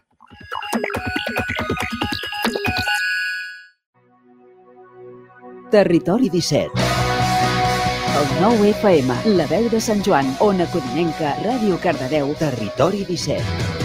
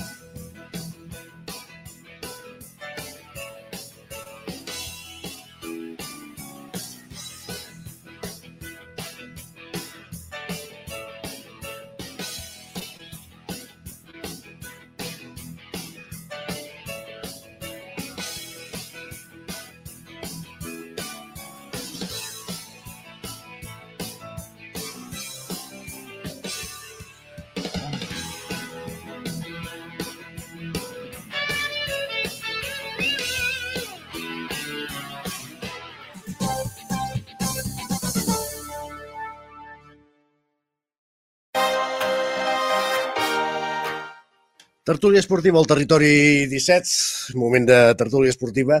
Com cada dilluns a aquesta hora, a la recta final del programa, avui en companyia de Lluís de Planell, que ja el tenim assegut a l'estudi, també de l'Isaac Muntades i en Pol Grau, als estudis de, de la veu de Sant Joan i Ràdio i Televisió Cardedeu i s'incorporarà d'aquí uns moments també l'Agustí Danés a la tertúlia. Benvinguts a tots tres, mentrestant. Gràcies, bon dia. Hola, bon dia. Uh, Ara, com dèiem, s'ha d'incorporar l'Agustí, una tertúlia esportiva que arriba després d'aquesta jornada en què hem vist com, com el Barça es distancia del seu perseguidor al capdamunt de la Lliga, després de guanyar 3-0 al Sevilla i de l'ensopegada del Madrid a Mallorca 1-0.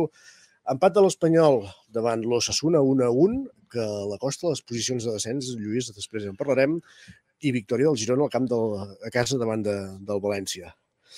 Agustí, 8 punts de distància davant del Madrid i després d'un bon partit amb el Sevilla desencallat a la, a la segona part. Sí, eh, el Barça, de fet, eh, és això, eh, per qüestió d'horaris, doncs era potser més conscient de la importància d'aquest partit, perquè quan va començar el maig amb el València, doncs eh, ja eren coneixedors que el Madrid es havia deixat els 3 punts a, al camp del Mallorca i, per tant, era un partit important, un partit que va costar una mica de, de destravar. El Sevilla em va semblar com, com molt garrepa, no? Un equip molt garrepa, que d'acord que, que no està bé, però una proposta com molt, molt poc atrevida.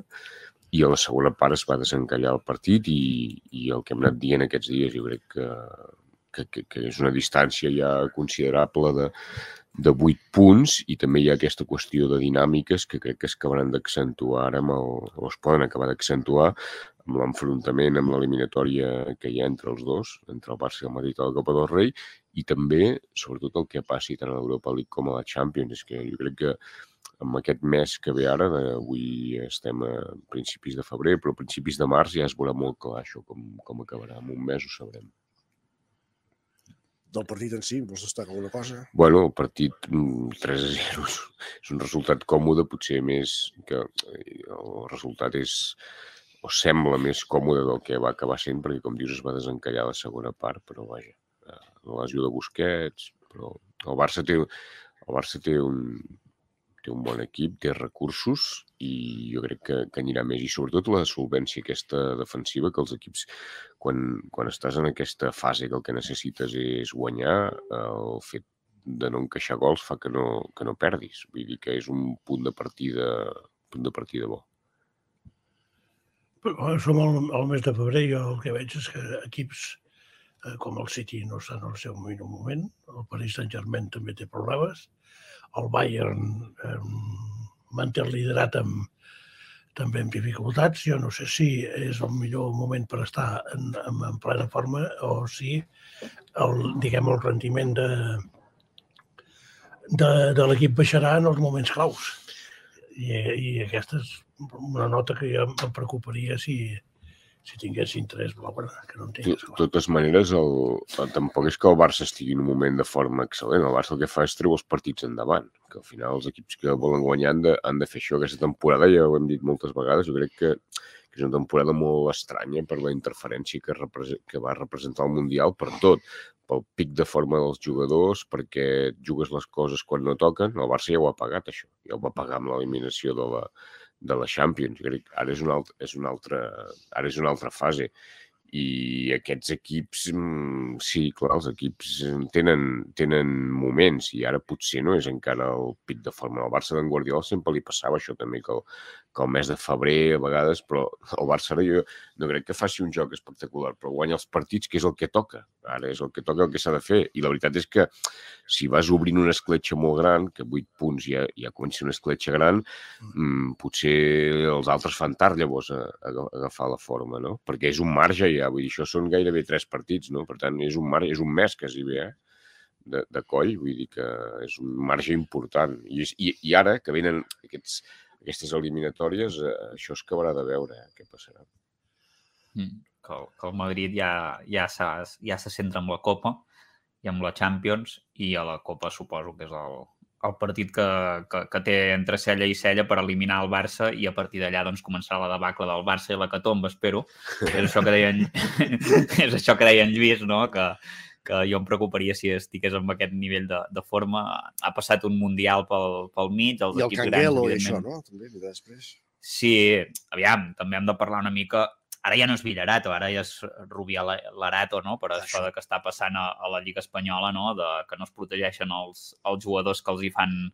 bueno, que són més atrevits, que, que desborden, que driplen, que no se'ls protegeix. Ja ha quedat clar que això ja passa sempre, ha passat sempre en aquesta lliga, sempre es, eh, es perjudica més el que protesta o el que, o el que valia d'alguna altra manera que les entrades violentes. Mm, a Vini, en Vinícius l'altre dia amb el Mallorca li van fer 10 faltes. Uh, estic mirant, el Madrid em sembla que la primera part va fer 6 faltes, dos targetes grogues, el Mallorca en va fer el doble, 12, cap targeta groga, uh, una falta cada, no sé si era cada un minut i mig de possessió del Madrid que va fer el Mallorca. Clar, si els, els àrbits no haurien de permetre-ho, això, directament. El Mallorca hauria d'haver acabat amb, amb, amb 7, 7 jugadors, 6 fins i tot, i s'hauria d'haver suspès el partit i 0-3 pel Madrid. Això hauria ser lo lògic, però com que no hi ha lògica i com que es permet uh, aquest joc dur, doncs després, quan hi hagi algun accident o quan algun jugador es lesioni fort, doncs ja correrem a, a, a, a fer el crit al cel i tot això, però bueno,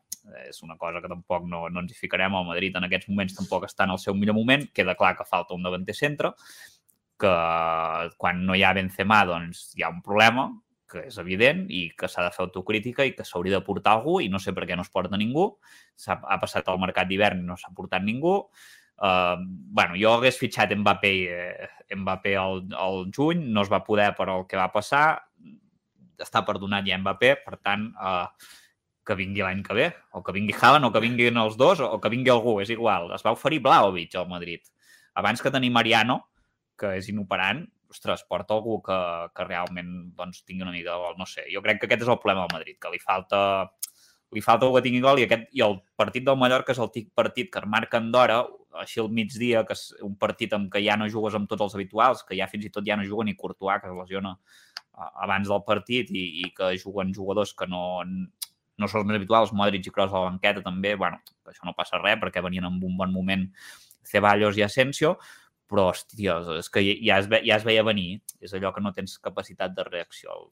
bueno, en fi, tampoc vull dir massa res més. Uh, felicitats al Barça per la vida. Oriol, què has dit? De totes maneres, el tema arbitral, això, aquest sí que és, eh, és, és preocupant, el que passa que ningú hi posa mesures de res, i sancionen els àrbitres que no que ho compleixen.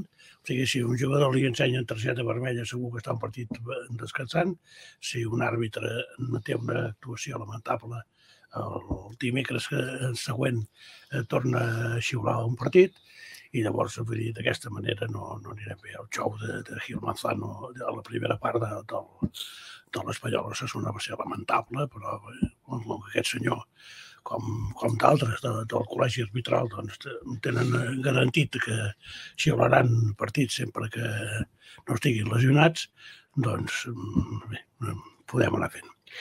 Jo crec que és molt fàcil el recurs aquest de, de ficar-se amb els àrbitres. Oh, això ho feu vosaltres quan no, no líders amb 8 no, punts d'avantatge. Jo, jo, ho he dit, ja ho he dit vegades, jo crec que el, que l'arbitratge, bueno, hi ha qüestions d'apreciació, s'ha tret molta pressió sobre els àrbitres amb el, amb el bar, perquè i llavors una part de discussió pot, pot ser-hi sempre, però errors eh, flagrants, el bar és un filtre llavors pot haver-hi un cas, eh, que diguis, no, doncs aquell dia, d'acord, pot haver-hi un cas.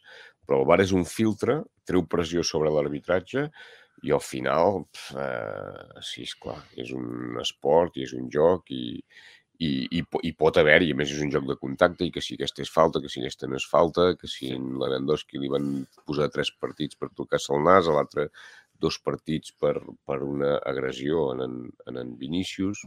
Bueno, eh, això, el futbol és, és, és així, això forma part de, del joc, però crec que els àrbitres eh, no, no, no, no són el factor, de, el factor determinant ni pels resultats ni per la, ni, ni per la Lliga. I la, i la mostra i la mostra és que és que, és que si haguéssim fet a principi de temporada una estimació de com quedaria la classificació, de quins seria per trams, quins serien els cinc primers, quins serien ens equivocaríem molt poc i sense, i sense haver-hi els àrbitres. Aquesta és la mostra més evident. Vull dir, la Lliga qui la guanyarà?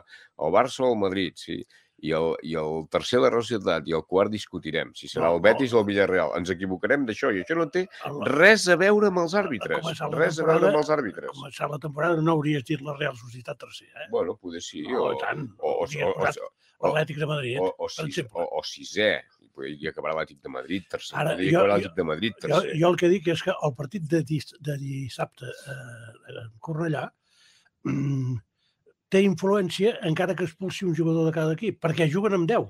Bueno, i juguen amb 10 tota la segona dia, part. I el dia del, del Barça amb l'Espanyol, amb Mateu Laoz, doncs va ensenyar no sé quantes targetes i, i un cop en treia de tots colors i, i llavors va expulsar un de l'Espanyol i llavors el va desexpulsar mm, Doncs això- i l'Espanyol va empatar. Si et sembla que és normal tot això, no, doncs però llavors... això són, són moments determinants i determinats, però que no són determinants. Penso que no... Per mi la- la doble expulsió de dissabte sí que va ser determinant, Bueno, perquè els dos equips van haver de jugar amb 10, que la qual cosa representa un esforç físic per, pels que juguen, que, eh, i a més, si hagués estat una I expulsió no era, clara... no era expulsió. Per mi no, per, per, eh, o sigui, to- totes dues, tots dos jugadors de la segona groga. La segona groga a la mitja hora del partit no té, no té explicació. No, no, Però, per tant, va, va, mantenir va mateix, va mantenir el mateix criteri en els, dues, en els dos casos. Ah, no, això sí. Es va equivocar igual, sí, sí. Jo crec que amb el, el VAR hi ha ajudat en això, perquè és un filtre. I si són coses molt flagrants, ja no passen. I després les altres són interpretacions. Que. Excepte en el cas del Cádiz eh, Elx, aquell famós fora de joc que l'àrbitre del Hmm. bar no va veure, Sí, que, que en aquest cas sí que el van sancionar, per cert. Imagina't si va ser... Bueno, és que per no sancionar-lo, Lluís, eh? Sí, sí, ja, ja.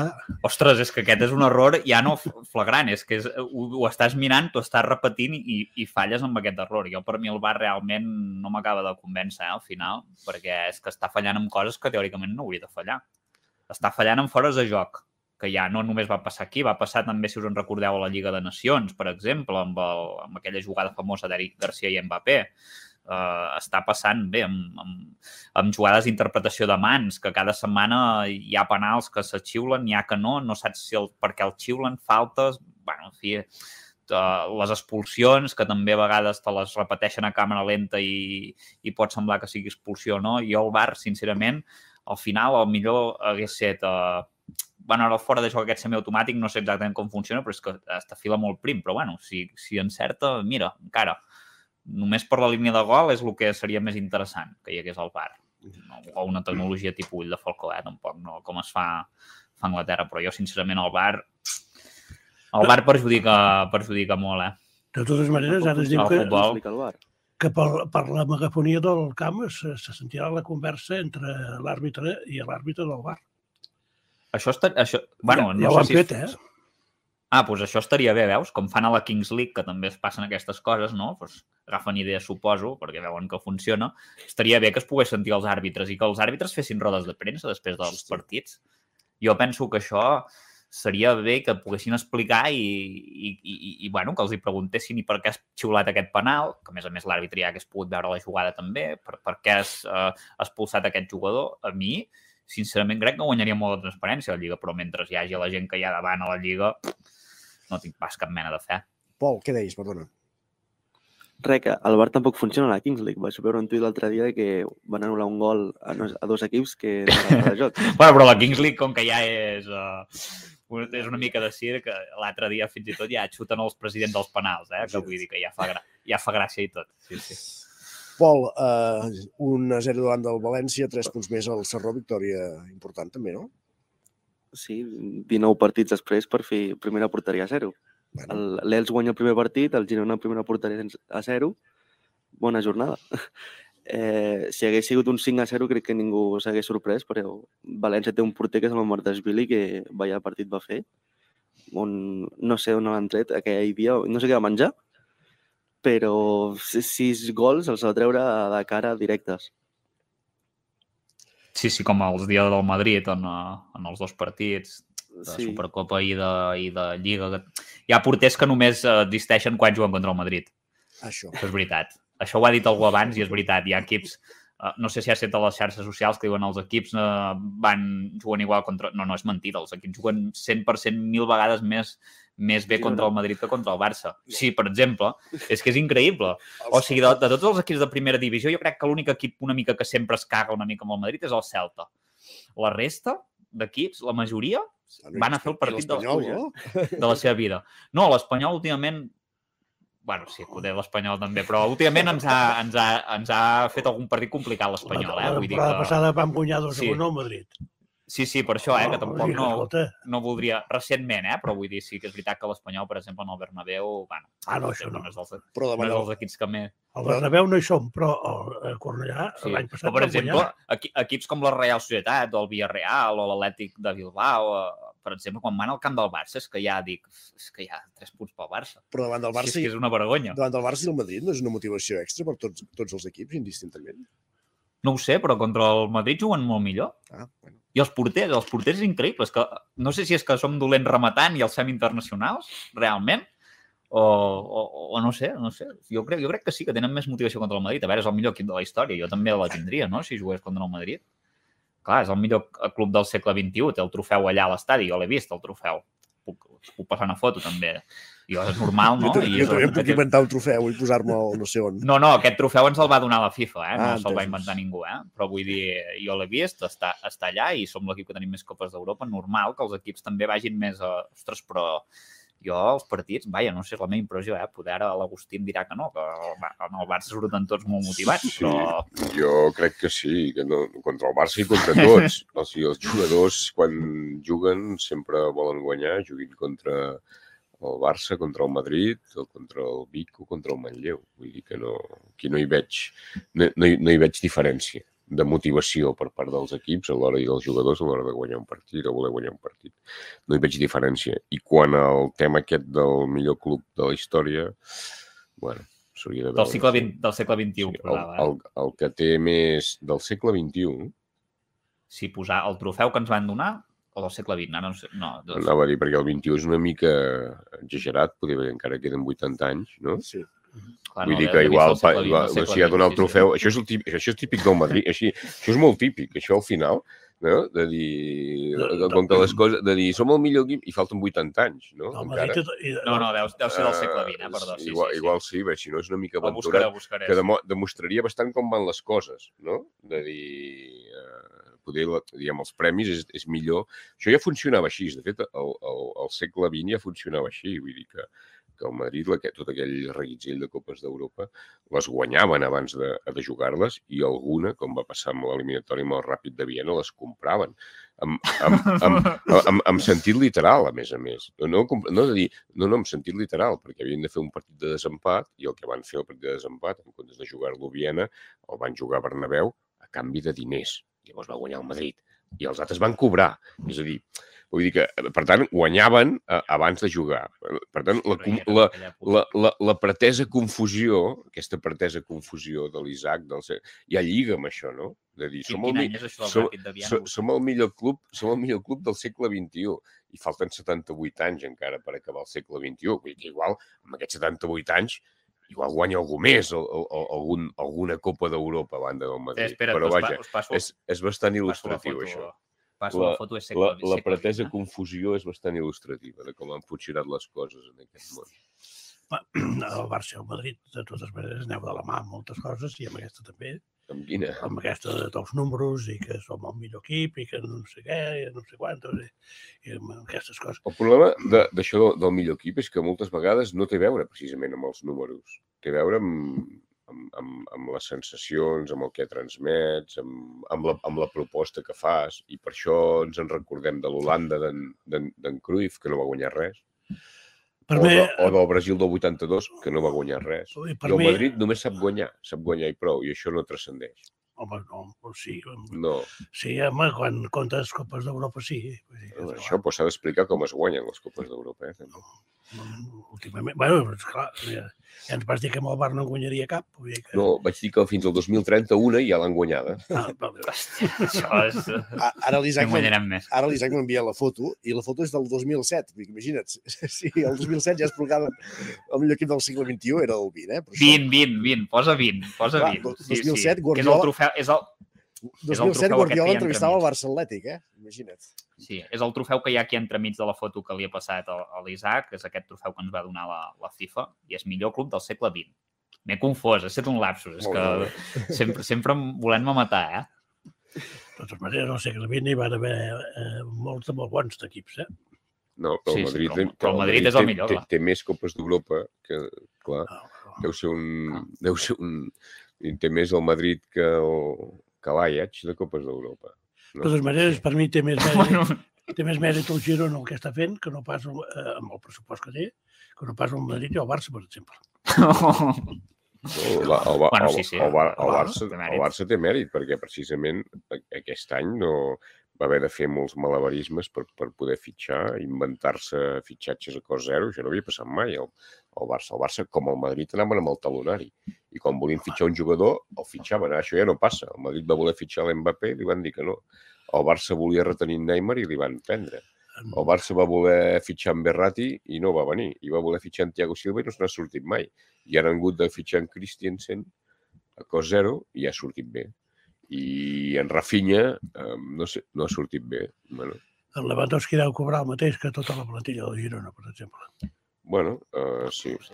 La diferència. Aquí hi ha la Com, diferència. a, com, a, com, com el Haaland o com l'Mbappé, eh, com els grans. Els grans són així. Per això que el mèrit és dels petits que amb, amb poc seríem- calés van fent.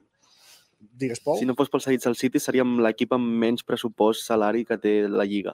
Ja pot ser. O sigui, almenys, mira, el City ens dona alguna Molt bé, ho hem de deixar aquí. Aquesta setmana no hi ha jornada... Hi ha, hi ha Champions, Isaac? No encara, eh? Mundial de clubs. Mundial de clubs, d'acord.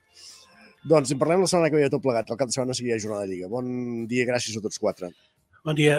Bon dia. Adéu, bon dia. I nosaltres acabem el Territori 17. Us hem acompanyat des de les 9 del matí. Eh, Isaac Muntades, Laura Serrat, Pepa Costa, Roger Rams, Pol Grau, Esther Rovira, Guillem Sánchez, Lluís de Planell, Agustí Danés, Clàudia Dinarès, Sergi Vives i Isaac Moreno. I tornem demà a la mateixa hora. Adéu-siau, bon dilluns. Territori 17, un magazín del nou FM. La veu de Sant Joan, Ona Codinenca i Ràdio Cardedeu amb el suport de la xarxa.